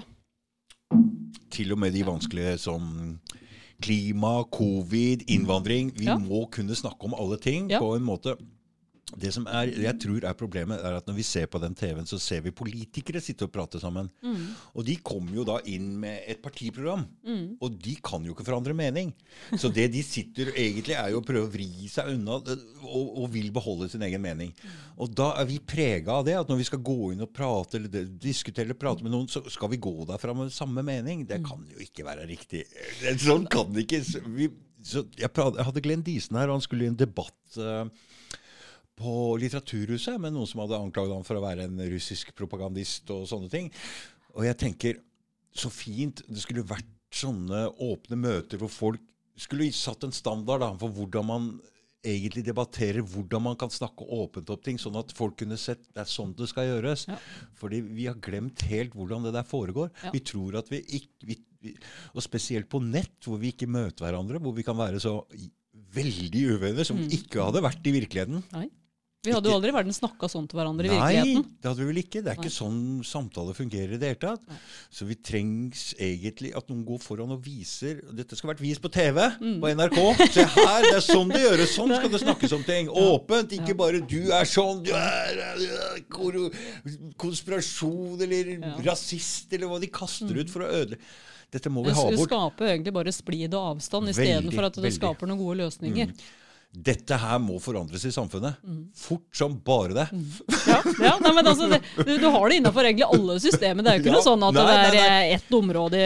Og det, altså, vi, vi ser det også veldig tydelig innafor landbruket. Ja.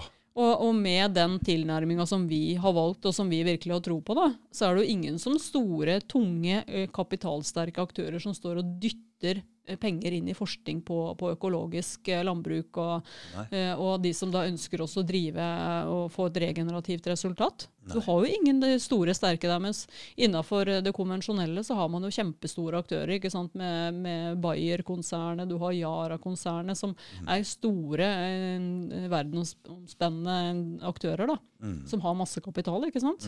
Og det er jo bare, må vi bare innrømme det, at det er mye forskning som styrer også hvordan man tar beslutninger til syvende og sist. Klart er det. Men så må man også begynne å gå bak der igjen og se hvordan er det egentlig denne forskninga her fungerer. da. Mm. Og da må vi ha helheten. Da kan vi ikke bare ha noen som har bestemt seg for at de skal gå i én retning, men vi må ha hele 360 grader, så vi kan jo- diskutere det ordentlig. Det er jo sånn samfunnet må fungere. Vi må ha små som driver i i alle kanter og samler inn opplysninger. Vi kan ikke ha disse store greiene som bare sier at det er sånn det er. Nei. For det er, faktisk så er det ikke sånn Altså- heller. Dessuten så skal jo samfunnet forandre seg. Altså Vi skal jo bli bedre, vi skal jo finne ut mer. Mm. Vi kan ikke utelukke da de små som finner ut av ting. Og, så vi kan ikke si, det er, alt det er feil. Vi skal ha det som vi har det. Ja, Det, er, det, så det gjelder forskning, det gjelder alle ting. Men så, sånn som vi, da, som jobber tett med Landbrukets økoløft, da. Vi er jo egentlig eh, altså Det er litt å være bindeledd da, mellom det økologiske og det konvensjonelle, også sånn at man kan lære av hverandre. Og det tenker jeg så burde man hatt en sånn læringsarena, da. Ja. Uansett om hvordan man driver, for vi har alltid noe å lære av andre. Læringsarena. Ja. Så det er nesten det. Når du går på kurs nå, så føler du at du treffer andre likesom. Så det er en slags læringsarena. Ja, som ikke bare er kurset, men også de andre deltakerne. ja, ja. ja. ja. Både den der faglige Så- biten, men også det Så det trengs altså innenfor alle områder så trengs det ikke bare debattgreier, men det trengs også et sånt Så dette er noe å egentlig få en liten idé på. Ja, og så tenker jeg sånn som Også helsesektoren også trenger de legene også, sånn som Mysja, som Ja. også driver med andre ting samtidig. Dette også må Fordi eh, legemiddel, legemiddelindustri og leger og alt det må, det må ta til seg en del Det er bare 50% av sannheten. Den andre 50-delen de, Dette må sammenflettes. Og når de driver med disse kvakksalvelovene og alt sånt, og, og, fordømmer alt det andre, så er vi helt på feil, feil spor. Men det er altså helt fascinerende å se bare sånn som, som vi fikk se noen, eh, noen videoer nå fra behandling med rytmebehandling på parkinson eh, og demenspasienter. Det og kanskje også Alzheimer, husker jeg ikke helt detaljene i det. Men bare ved å finne den rette rytmen hos folk, som bidro så utrolig positivt for en som hadde, hadde parkinson, som omtrent ikke klarte å reise seg fra en stol. Som, altså, som vi tenker at men det er jo enkelt og greit, men han klarte det ikke. Eh, og så ved rytmebehandling jevnlig, med den rytmen som de hadde funnet ut at det var, gjorde han ordentlig godt, da. Så plutselig først så begynner han å gå, og gå skikkelig diagonalgang, og nesten sagt marsjere. Og så begynner han å danse, og du ser han har skikkelig rytme. Og det er altså utrolig fascinerende å se ved egentlig så enkle hjelpemidler da, klare å få en mann opp av stolen og få han i funksjonalitet igjen. Han var jo ikke gammel heller. Du, Han var noen og 50 år. Jeg veit det er noe magisk med den der eh, musikken og dansing og sånn, for jeg har jo vært så mye på houseparty og danse, og det skjer, der skjer det noe skikkelig rart og noe skikkelig magisk, som er en sånn high som du aldri kan tenke deg. Altså. Men det skjer noen ganger, og det skjer når mange danser sammen, og plutselig så er det noe som skjer der som er en helt utrolig greie. Og det var den jeg jaga på hver gang og leita etter. Men du måtte leite, for det, det, skjedde Jeg tror det hadde noe med den gi-greia å gjøre igjen. Jeg tror alle måtte gi noe. Gi energi og være blid, og plutselig så, plutselig så var det der. Mm. Og det var så fantastisk eh, opplevelse. Mm. Ja, man får noen sånne opplevelser som er eh, helt, helt utrolige. Altså. Mm. Så det med musikk og rytme og dans og sånn, det er noe helt fordi det plutselig så er det hele kroppen din som snakker. Mm. Det er det. Så, Og de der spontanbevegelsene, hvor viktig de er for kroppen vår for å fungere også. Mm. Nei, så det, er en, det er en helt annen tilnærming, men det er det som jeg syns er spennende også, å se på en måte hele mennesket, hvordan en kan på en måte bidra til å få mennesker opp og, og få i gang funksjonaliteten igjen. Da.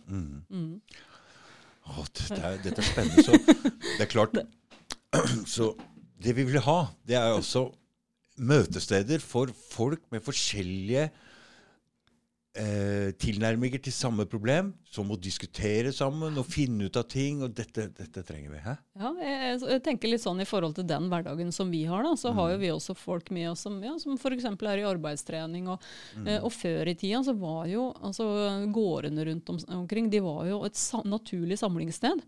Eh, og der var det rom for alle. Du, hør nå. tenker de tror jeg er viktig. Jeg satt og så på en podkast med litt grann min egen podkast. Den eneste podkasten jeg syns er litt morsom å se på, med en vennen min André. Ja. Og da sa han at den beste åra i sitt liv, dem hadde han hatt oppå og en sånn øh, Hva var det heter der oppe? Men det var i hvert fall sånn et sånt uh, sted hvor du liksom er rusgreie. Og den gangen så fikk de lov å delta. Og da sa han, nevnte han nemlig de var rundt på gårdene rundt omkring og fikk lov å delta i arbeid og fikk gjort noe positivt. Mens nå så er de pasienter. Mm. De har pasientrettigheter, men de får heller ikke lov å gjøre noe. De sitter bare og ser på TV. Så han sa faktisk at de fem åra han hadde der oppe, det var de beste åra i livet hans. Ja, men vi, altså, vi har et Forstår grunnleggende Så- behov for det. Mm. Vi har et grunnleggende behov, altså, sånn, rent eh, altså, psykologisk sett også, å Ja. ha, kunne utgjøre en forskjell i samfunnet. Mm, mm, Og det å kunne bidra med noe. ja. Det er sant. Og det tenker jeg, altså, Hvis man på en måte ikke får utløp for det i hverdagen, da, Mm, så vil det være noe som blir lagt lokk på, som på til syvende og sist må ut. mm, Og da kan det komme ut i veldig mange forskjellige former. mm. Og i altså landbruket som vi driver, da, så kan man jo ha veldig mye praktiske tilnærminger. Og det ser vi det gjør folk flest veldig veldig godt. altså. Du, du har ennå ikke sagt hva denne gården heter, og hvordan man kan finne det. Men det skal jeg skrive under på podkasten, selvfølgelig. Ikke sant? For det, Det er den store hemmeligheten. Ja, det er hemmelig, det. Det er bra. Det, det er sånn hemmelig sted. Ja, du må finne sjøl. Altså, må være litt interessert. Ja. Ikke sant?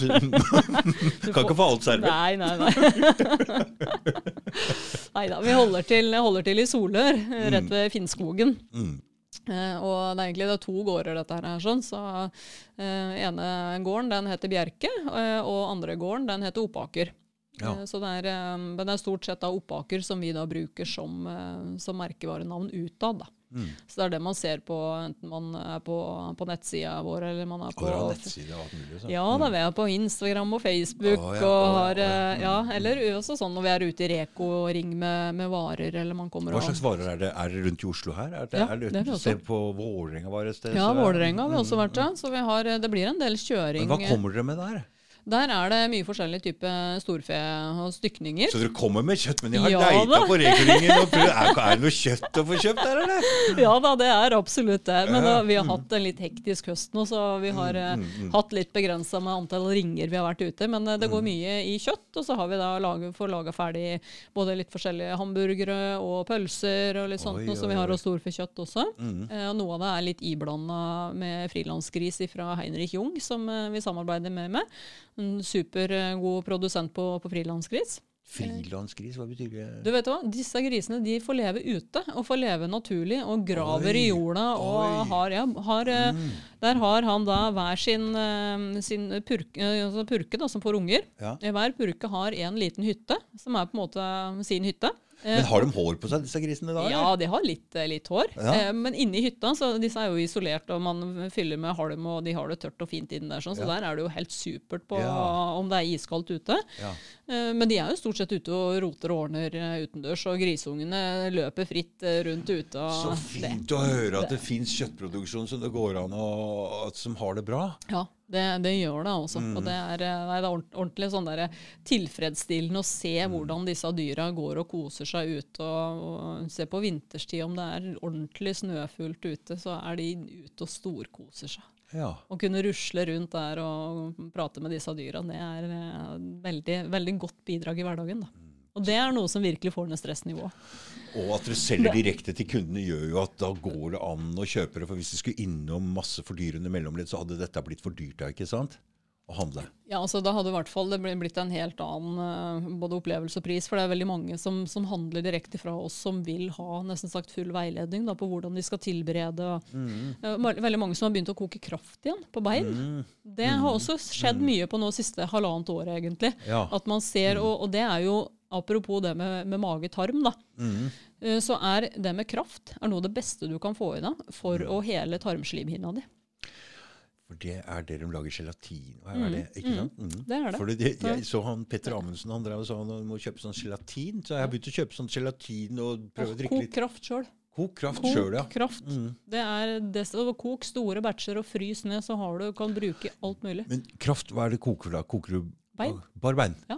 For jeg, jeg så du- jeg kokte den der steika lam her nå, så var det inni det beinet, og så da var det sånn myk greie. Ja, Beinmark. Ja. Er veldig sunt. Det er supersunt. Det er supersunt, Ja, ja. det er det. Mm. Så det, også når du skal koke, koke kraft, da, så har jeg litt grann syre oppi den eh, kjelen som du koker. Hva da, syre? Eddik? Altså for eksempel, ja, type, altså du har en uh, eplesidereddik eller et eller annet, så kan man br bruke vanlig eddik også. For da, da løsner det bedre? Da får du ut mer av mineralene i, eh, i eh, beinet når du koker. Fordi bein får- er kalk, ikke sant, og syre det er litt basisk, og da lyser, får- løser det opp. får Mm. du ut, eh, ut mer av næringsstoffene, rett og slett. Sånn at du får enda mer eh, som du kan uh, Så den krafta etter at du har kokt den, hvordan ser den ut? Er den blir flytende, eller stivner den litt sånn? Altså Når den er, er varm, så er den jo flytende. Ja, Men når Men- den stivner, så blir det litt gelatinaktig? Ja. Og så Ja. får du da også, hvis du da setter, hvis du koker ei svær gryte da, med Mm. storfebein, så vil det også legge seg et fettlokk oppå, oppå det. Og det er mange som bruker enten bruker det til å steke i. Og, og, ja. Så ja. det kan du også ta for det lønner seg å ta av fettlokket da før du fryser ned krafta. Så ikke den skal Krafta skal fryses ned. Det er det desidert beste, for da holder den seg lenge. Mm. Men tar du bort fettet før du fryser sjølve selve krafta, så unngår du at den- den harskner. Så det er tydelig at jeg må kjøpe meg en eh, fryser. Det er veldig greit. det er det. Ja. Ja, men så vi har, Det går mye, går mye storfe fra vår del. Og så er det jo også en del uh, sau og lam som vi selger i Reko-ring. Og da både med ulike stykningsdeler og pølser og, og litt forskjellig der også. Uh, og så har vi mye mel fra urkornet som vi produserer. Det er uh, hovedsak. Og så har vi elg, da. Vi har vært ute og jakta litt. Den den Jeg kasta ut fryseren her, for jeg hadde ikke noe sted å ha det. Men eh, mm, jeg lurer på om jeg skal sette den i garasjen uten at naboen veit om det. Så er det strøm fra fellesanlegget. Ja, ikke sant? Så er ja, ma mange alternativer. Men det, det å ha en fryser og Vi har jo vi har valgt å, å, å levere frossent kjøtt da, Mm. istedenfor å skulle ha ferskvare. Fordi at da har du så, altså, mye bedre holdbarhet på varen din også. Ikke sant? Og så jeg står jo på den der 40 på Coop-en. Jeg bare drar hjem og kaster i fryseren. Ja. For eh, man kan jo ikke Det er begrensa hva jeg spiser, jeg er jo aleine her. Og, Ikke sant. ikke sant? Så det er jo Så dette her eh, Jeg skal eh, gå på Finn jeg, kjøpe meg en fryser. Gå på Finn, og Så blir det dyr, dyr, tur. Skal jeg komme opp til deg? ja, ja, ja, men klart. Jeg bruker Altså Matbudsjettet mitt det, altså, det ligner ingen altså, Jeg bruker så mye penger på mat. Du aner ikke. Ennå jeg kjøper så Så jeg tar den 40 hvis det er noe der. Brops. Det er liksom så jeg ber dem sette opp ei egen sånn liten kurv der oppe med lokk på, så jeg bare kaster oppi her. Så kommer du etter jobb? Ja, så kommer jeg etter jobb og henter det. Ja, ja. ja nei, det, er, det blir jo mye sånne kjø, kjøttkasser som vi selger også, med 10 kilo og, og også 5 kilo. Da, for det er mange i, i byen har jo ikke så stor plass som det vi har i, litt lenger utafor byen. Eh, så sånn for å på en måte tilpasse det til eh, litt mindre frysebokser og, og annen type bosetning og hushold enn det vi har. Da. Ja, riktig. Men da Så- har du et godt utvalg også. Men hvordan fryser bør jeg kjøpe for å få plass til dette her? Bare en sånn til å kaste oppi, eller en sånn svær høy til å sette inn i sånn Nei, altså, sortere? Vi- viktigste er at du har noe som disse? fungerer for deg, rett og Men slett. hvor, hvor svære er disse pakkene? De ti kilo og Altså sånne ting? 10-kiloskassa er omtrent sånn, da. Ja. Men det var en som ringte og lurte på ja, men har du ikke noe større, da. Så tenkte jeg jo, men vi kan jo lage større. Så det, ja. men det er tydelig altså folk kjøper mye så de på en måte har et visst utvalg. da. Men hvordan er den delt opp i oppi kassa der, f.eks.? Hvordan kan du ta ut Hvor store biter er oppi der? Altså? Kjøttdeigen er en halv kilo, Ja. um, så det er liksom passe porsjonspakninger. så, så det er kjøtt Det er alt mulig forskjellig i den ti kiloen? ja, da har du et snitt av dyret, egentlig. Ja. Så da har du alltid kjøttdeig, grytekjøtt. Du har eh, noe som egner seg til bressering, altså Ah, ja. langtidskoking. Å, ja. mm. Du har uh, fileter. Får du du meg litt liksom- bruksanvisning på uh, sammen med Så du veit hva som er hva, eller? Ja. Så vi har, så bra. altså, ja. For jeg, altså, jeg og matlaging er jo ikke Så jeg må jo ha rettledning og veiledning her. ja, men det er også det som, vi også, som jeg bruker mye tid på. Da. Ja. Eh, og som er det å kunne ja, Gleden over at andre får til en, eh, en god matopplevelse. Ja. Så hvis du f.eks. hadde fått med deg en, si en flat iron stick, da, Ja. Mm. Ja, hva er det? Ja. Det er, en er innmari god og smakfull stykningsdel, da. men som, så mange tenker at ja, men den kan jeg tilberede som en biff. ja. Eh, men den krever da altså lavere temperatur og lengre tid. Mm. Men du får en vanvittig god smaksopplevelse med det. Så det å bruke, Dette her er viktig. Dette ja, er viktig, det er det. ikke sant? Det er akkurat det det er. Ikke sant? Det er jo halve, hvis, hvis det er så forskjellige betaer må tilberedes på forskjellige måter, så Ja. må det være bruksanvisning med. Ja, og det er det som vi ser at nå er vi en, en nasjon som er kjempegod på å steke biff og bruke kjøttdeig. Ja. Men så er det et enormt mangfold imellom der, ikke sant? Ja. som kan gi så mye gode smaksopplevelser som vi har på en måte glemt av litt. Mm. Og den, der, den kunnskapen der om å bruke alle disse stykningsdelene, det tenker jeg er så viktig at vi får Du, du Kjersti, altså etter denne podkasten her så kommer du sikkert til å bli solgt ut alt kjøttet, men du må holde av noe til meg, ass! Du skal holde deg litt til deg, ja. ja. Men jeg tenker det er så viktig å ta med den kunnskapen der til neste generasjon igjen, så ikke den bare forsvinner. Mm, mm. Så du kan også lære deg å lage flat iron, eller hva det er for noe som du har lyst til, å, eller kjempegod gryte, eller hva det er som, som ja, Mm.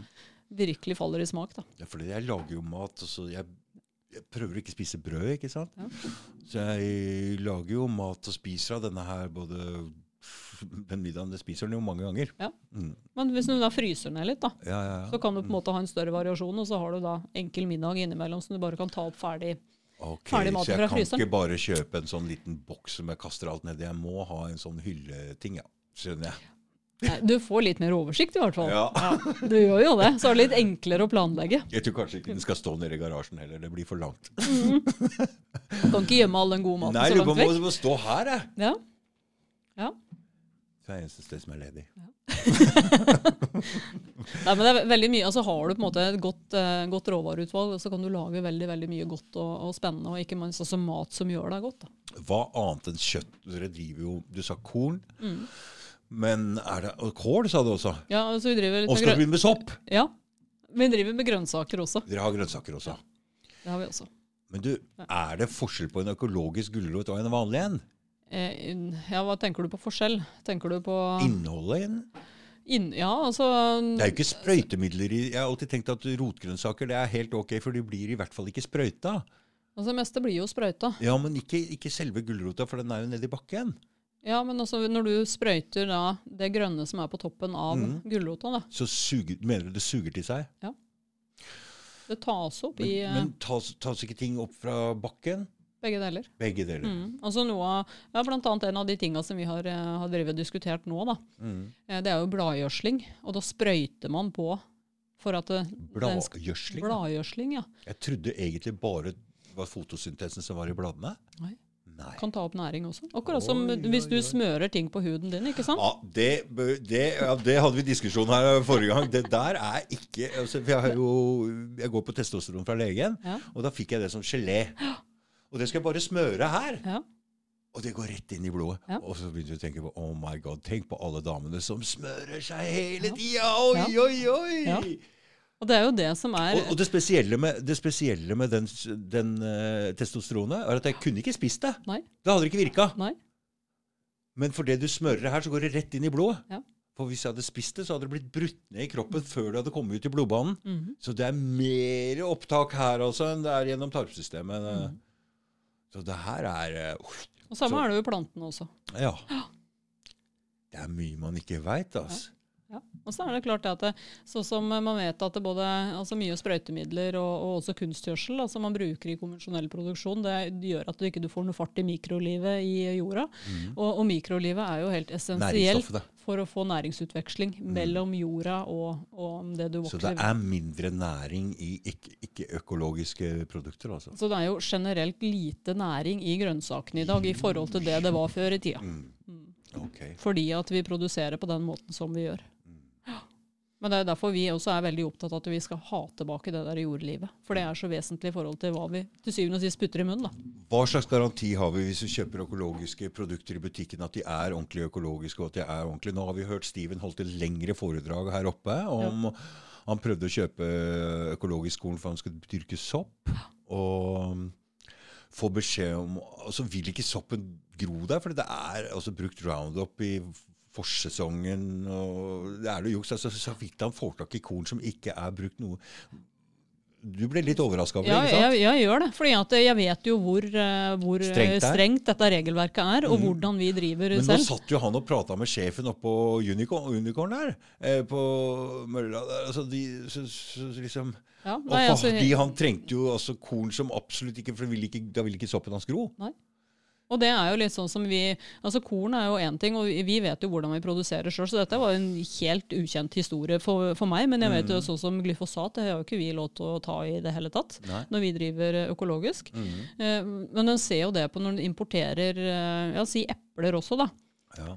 Eh, og du har disse irrgrønne eplene som vi får fra Italia. Det er et så veldig rart lag når du tar utapå det her. det der, Ja. Og de råtner jo aldri. Nei Og så tenker jeg, hvis ikke mikro, mikroorganismene vil ha det, så tenker jeg, «Mm, mm, da vil ikke jeg ha det heller, altså. For da er det en del naturlige prosesser som ikke går som det skal gjøre. Mm. Og det er jo samme med korn også. Mm. Å bruke, nå får vi jo mer og mer studier på hvordan glyfosat påvirker mikrobiomet vårt. Mm. Eh, Mikrobiomet det er det vi har i tarmen, ikke sant? Ja. Mm. det er det. Eh, Og da tenker jeg, hvorfor skal vi da fortsette å pøse på med sprøytemidler? Mm. Når vi begynner også å se flere og flere av disse sammenhengene med hvordan det påvirker oss. Mm. Både psykisk og fysisk. Men disse opplysningene har ligget der hele tida. Det er bare at folk har blitt mer interessert i å grave litt i det nå. Jeg tror det er flere og flere som graver i det, men samtidig så gjøres det også mer studier på det. Ja, det gjør det. Ja, Mm. det gjør det. Hvilke folk er det som gjør det? Er det ikke regjeringer rundt omkring? Er det statlig? Er det, hvem er det som gjør det? Er det privat, eller hva slags forskning er det? Jeg tror det er en god miks, rett og slett. God mix, ja. Mm. Men ofte så er det sånn at man må leite litt for å finne de studiene. ja. Mm. Mm. Så man må være interessert i det. Ja, du må, må ha en viss interesse. Men du, jeg tror det er sånn, for hvis du får døtta viten rett i trynet, så er det ikke noe interessant. Det mest interessante du må du leite etter sjøl. Det er da du blir ivrig. Ja. Ikke sant? Når du finner noe Å, her er det noe Du må leite etter det sjøl. Du Ja. må ville finne det, og da må det være litt jevnt, tror jeg. Ja, ja altså det å søke og på en måte dypdykke i det sånn, det Mm, tror jeg gir en helt eh, egen opplevelse, kontra bare å få servert det på et uh, sølvfat. Sånn er det med alle ting. og det, Mm. Denne koronasituasjonen har fått veldig mange folk til å, å grave og leite litt etter uh, ting, både her og der og overalt. Ja. Så jeg tror det, det er rett og slett en slags oppvåkning vi er i, er i ferd med å få. En slags aldringsprosess fra barn til i hvert fall ungdom. da. Ja, ja, liksom, sånn, For det, man er barn hvis man ikke tar ansvar for sitt eget uh, liv og sin egen helse og bare mener at legen er faren din eller mora di, og det bare 'Vær så god, jeg er sjuk'. ja, men jeg tror vi må sant? snu litt på det og tenke hva er det jeg kan gjøre sjøl? ja, ja, ja. Og ha en helt annen tilnærming til det. Mm. Mm. Det er sånn det er. Og det, det har noe med å ta ansvar, og det har noe med å bli voksen å gjøre. Mm. Det. Så det er ikke rart de behandler oss som barn når vi oppfører oss som barn. Nei, så tenker jeg Vi må ta ansvar, men samtidig så tenker jeg det er viktig å bevare litt av den der leken i hverdagen også. Å, det er ikke det vi snakker om, at vi, vi må skal være forts- barnslige. nei, vi må fortsette å ha det moro, Ja, tenker jeg. nei, det er det, nei, Nei, det er en kjempe, kjempeviktig bit for å på en måte Det mener jeg ikke ting. har noe med å være voksen. Jeg tenkte med å være ansvarlig og ta Mm. ansvar for oss sjøl. Jeg tenker ikke det må være altså. Skal ikke slutte å ha det moro. Nei, Nei. nei, det ja. Nei. Men, det, nei, men det tror jeg at det er flere og flere som både søker ny innsikt i og, Mm. og setter seg mer inn i ting sjøl også. Ikke forventer å få alt uh, servert. da. mm. Mm. For det har vært en spesiell energi eh, siste halvannet året. Det er ikke tvil om det. Nei, og det, det ser vi på, i forhold til det vi driver med også. Så Mm. jeg får så mye spørsmål om hvordan, i forhold til hvordan vi produserer. og Folk vil vite mer og mer om, Mm. om hvordan alt dette er. Og stille flere spørsmål. Jeg tenker Det er helt supert. Mm. For det, det gjør også at vi også må, må presentere det på en god måte. Da, og, og gjøre det med ord som gjør at du forstår det godt. Og da forstår du det bedre sjøl også. Ja. For det, er, gjør det, det. det, det har jeg alltid tenkt på. Og hvis du hører noe, Ja. Så, er tenker du ja, jeg har hørt det der et eller annet sted. Men hvis du leser det, så er du mer sikkert Nei, det, det, har, det, altså, det har jeg lest. Men hvis du skriver det Ja. da, da, Men hvis du skal prøve å forklare det til noen, Ja. da kan du det ordentlig. Ja. Så det er de fire måtene å lære en ting på. Mm. Siste steg er når du skal forklare noe, og da plutselig da kan du det ordentlig etterpå. Mm. Så med å hjelpe andre så, Fordi det er alltid forskjellige dybder på forståelse også.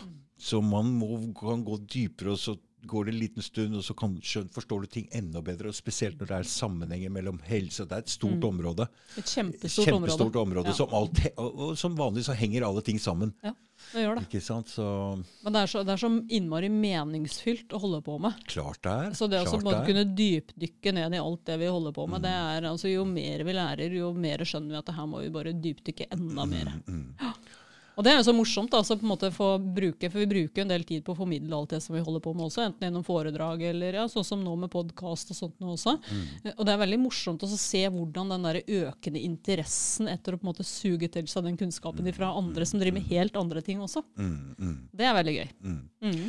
Du skjønner jo hvorfor du ble utvalgt. De tok en person som hadde var veldig flink til å gjøre noe, hadde veldig full og bare slo Bare bang!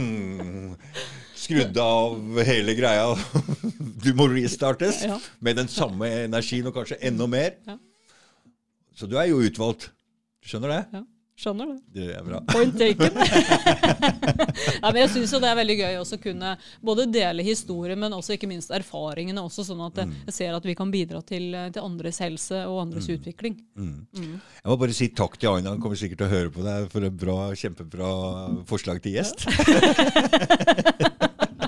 Nei, det har vært lærerikt. Altså. Det har vært kjempebra. Og her er det typisk noe jeg skal ta med meg videre sjøl i livet mitt. Det er ofte sånn jeg Altså Jeg er litt sånn fluctual. Jeg, hver eneste gjest her inne påvirker meg lite grann. og Derfor er det viktig å ha folk med positive, som har noe positivt å komme med. Ikke bare det, det negative, eller ja, ikke negativt, da, men som bare peker på feil i samfunnet, men også som kommer med noen sånne ting. Det er, det er superviktig. Men det er jo det vi holder på med hele tida, prøve å finne noen, noen nye og gode løsninger. da. Mm. Du hørte jo på Steven her i stad, og han har ikke holdt på med soppproduksjonen så lenge. og Han vil jo allerede dele den kunnskapen og holde kurser og vil lære videre til andre. Det er ikke noe man holder på. Nei. Nei, og det er sånn som vi også får, Har du fermenteringskurs, har du surdeigsbakenkurs, kan jeg lære å bake lefser, kan jeg lære å skjære ned et dyr, kan jeg være med å jakte? Plutselig kan du, plutselig kan du utrette mye mer med å lære andre det Ja, samme enn å ba, ikke sant? Det blir det er et steg opp, og så Ja. plutselig får du spredd dette her. Ja. Og det er viktig. Ja, det det. Så lenge du følger den riktige energien her, så blir dette så bra, Kjersti. Ja, Men det er en veldig, veldig meningsfylt hverdag. Det er det også. Mm. Ja, det Virkelig. skjønner jeg. Ja. Nei, skal vi, er det mer du vil snakke om, eller er det Vi, vi kunne sikkert sitte og skravla veldig Sikkert, lenge, sikkert, men eh, det går an å ta opp en tråden seinere også. Ja, ja, ja. ja. Det- ja. Kom gjerne igjen. Det er her Ja. hvis du har noe Føler at du ikke har noe For at etterpå så tenker jeg hm, jeg skulle kanskje snakke om det, eller, for du driver jo med masse andre interessante ting også, ikke Ja, sant? men vi rekker ikke alt på én kveld. Så Nei, du får, du får heller ta med deg utstyr, og så får vi kjøre litt live oppe hos oss. Det veit jeg ikke helt hvordan jeg gjør ennå. Alt dette surret her å ta med seg opp, men det er kanskje ikke så vanskelig. Ja, Det har- er jo bare å ta med de Altså i, egentlig bare PC-en. Og Ja, for vi har hatt, uh, hatt podkastinnspilling på gårdsplassen hjemme, og Ja. det, er, eh, det funka kjempefint. mm. Uh, så det er altså mange måter å gjøre det på. Altså, det er jo jeg, jeg driver og vurderer å kjøpe meg en bærbar PC, og fordi jeg trenger egentlig ikke Jo, jeg, med det mikrofonsystemet her, så trenger jeg det. Ja, nei, jeg skal tenke litt på det der. Jeg driver og titter på forskjellige ting her og der for å prøve å forbedre Eller få kanskje noe ja, forskjellig Ja, forbedre dette tinget her, da. Mm.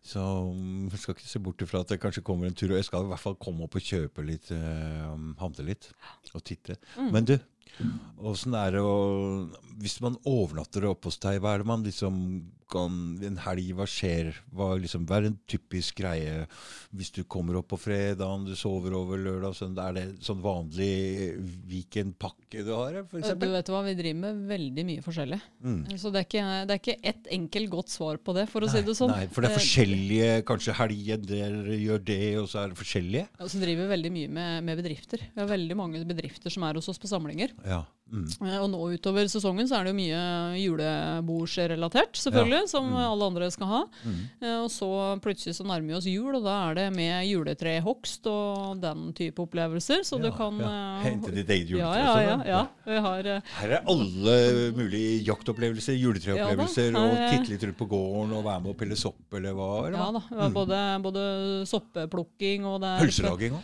Eh, Vi har ikke hatt det ennå, men Nei. det kan nok hende at vi skal gjøre det etter hvert. Men vi har hatt nedskjæring av lam, og vi har altså, vi oh, ja, gjør veldig mye oh, ja, forskjellig. Oh, ja, Fermenteringskurs, baking eh. Ja. Det er, Så det man kan velge, velge ut f.eks. vi er interessert i det, da kan vi komme da, og sånne ting. Mm. Matkurs av ulike slag. altså Det er, veldig mye forskjellig som vi holder på med. Så veldig kult. Du, Hva heter nettsida deres? Oppaker.no heter den. Oppaker. Mm, Med én en P. P. En P, ja. Akkurat som i Omstedet. Ja, nei, det er ikke noe P i omsted. Nei, Men, men om, ikke, noe, ikke noe omsted, eller det er ikke noe å. Det er ikke Nei. Oppaker eller Oppakker. Ja, det er det. Mm. Det er det. Veldig spennende, Kjersti. Tusen takk for at du kom. Ja, tusen takk for at jeg fikk, eh, fikk Mm, komme. Det er en berikelse å møte nye mennesker som eh, Ja, er så interessert. Som er så interessert, vil, ja. Både som er interessert, Ja. men som også har den altså, samme gleden ved å dele. Da. Mm, mm. Ja, det er det Mm. det går i. Ja. For det er det som driver denne podkasten her, det er ikke noe annet. Det ikke noe, jeg ville egentlig ikke stikke fram trynet mitt. Jeg orker ikke å jeg orker ikke å verken se meg sjøl eller Jeg hater det. Så egentlig jeg ville ikke være på video, men så var jeg gjest et sted, skjønner du, og så tenkte jeg, og han sa det nytter ikke å bare være lydfil, for det er ingen som finner deg. Og Det er vanskelig. Så det bare å være på Spotify, så han sa du må ha med det. Jeg tenkte ok, greit. Folk vil ha et ansikt, altså. Ja, det er ja, ja, vil det. Ja. Ja. Det er noe med å få den personen bak. Men det er ikke så kult å se sitt eget ansikt sånn. Jeg bare slutter, ikke tenke så mye på det. Bare drit i det. Ja. Greit, ok. Greit. Ha det. Takk for i dag. Ja, takk for det. Ha det.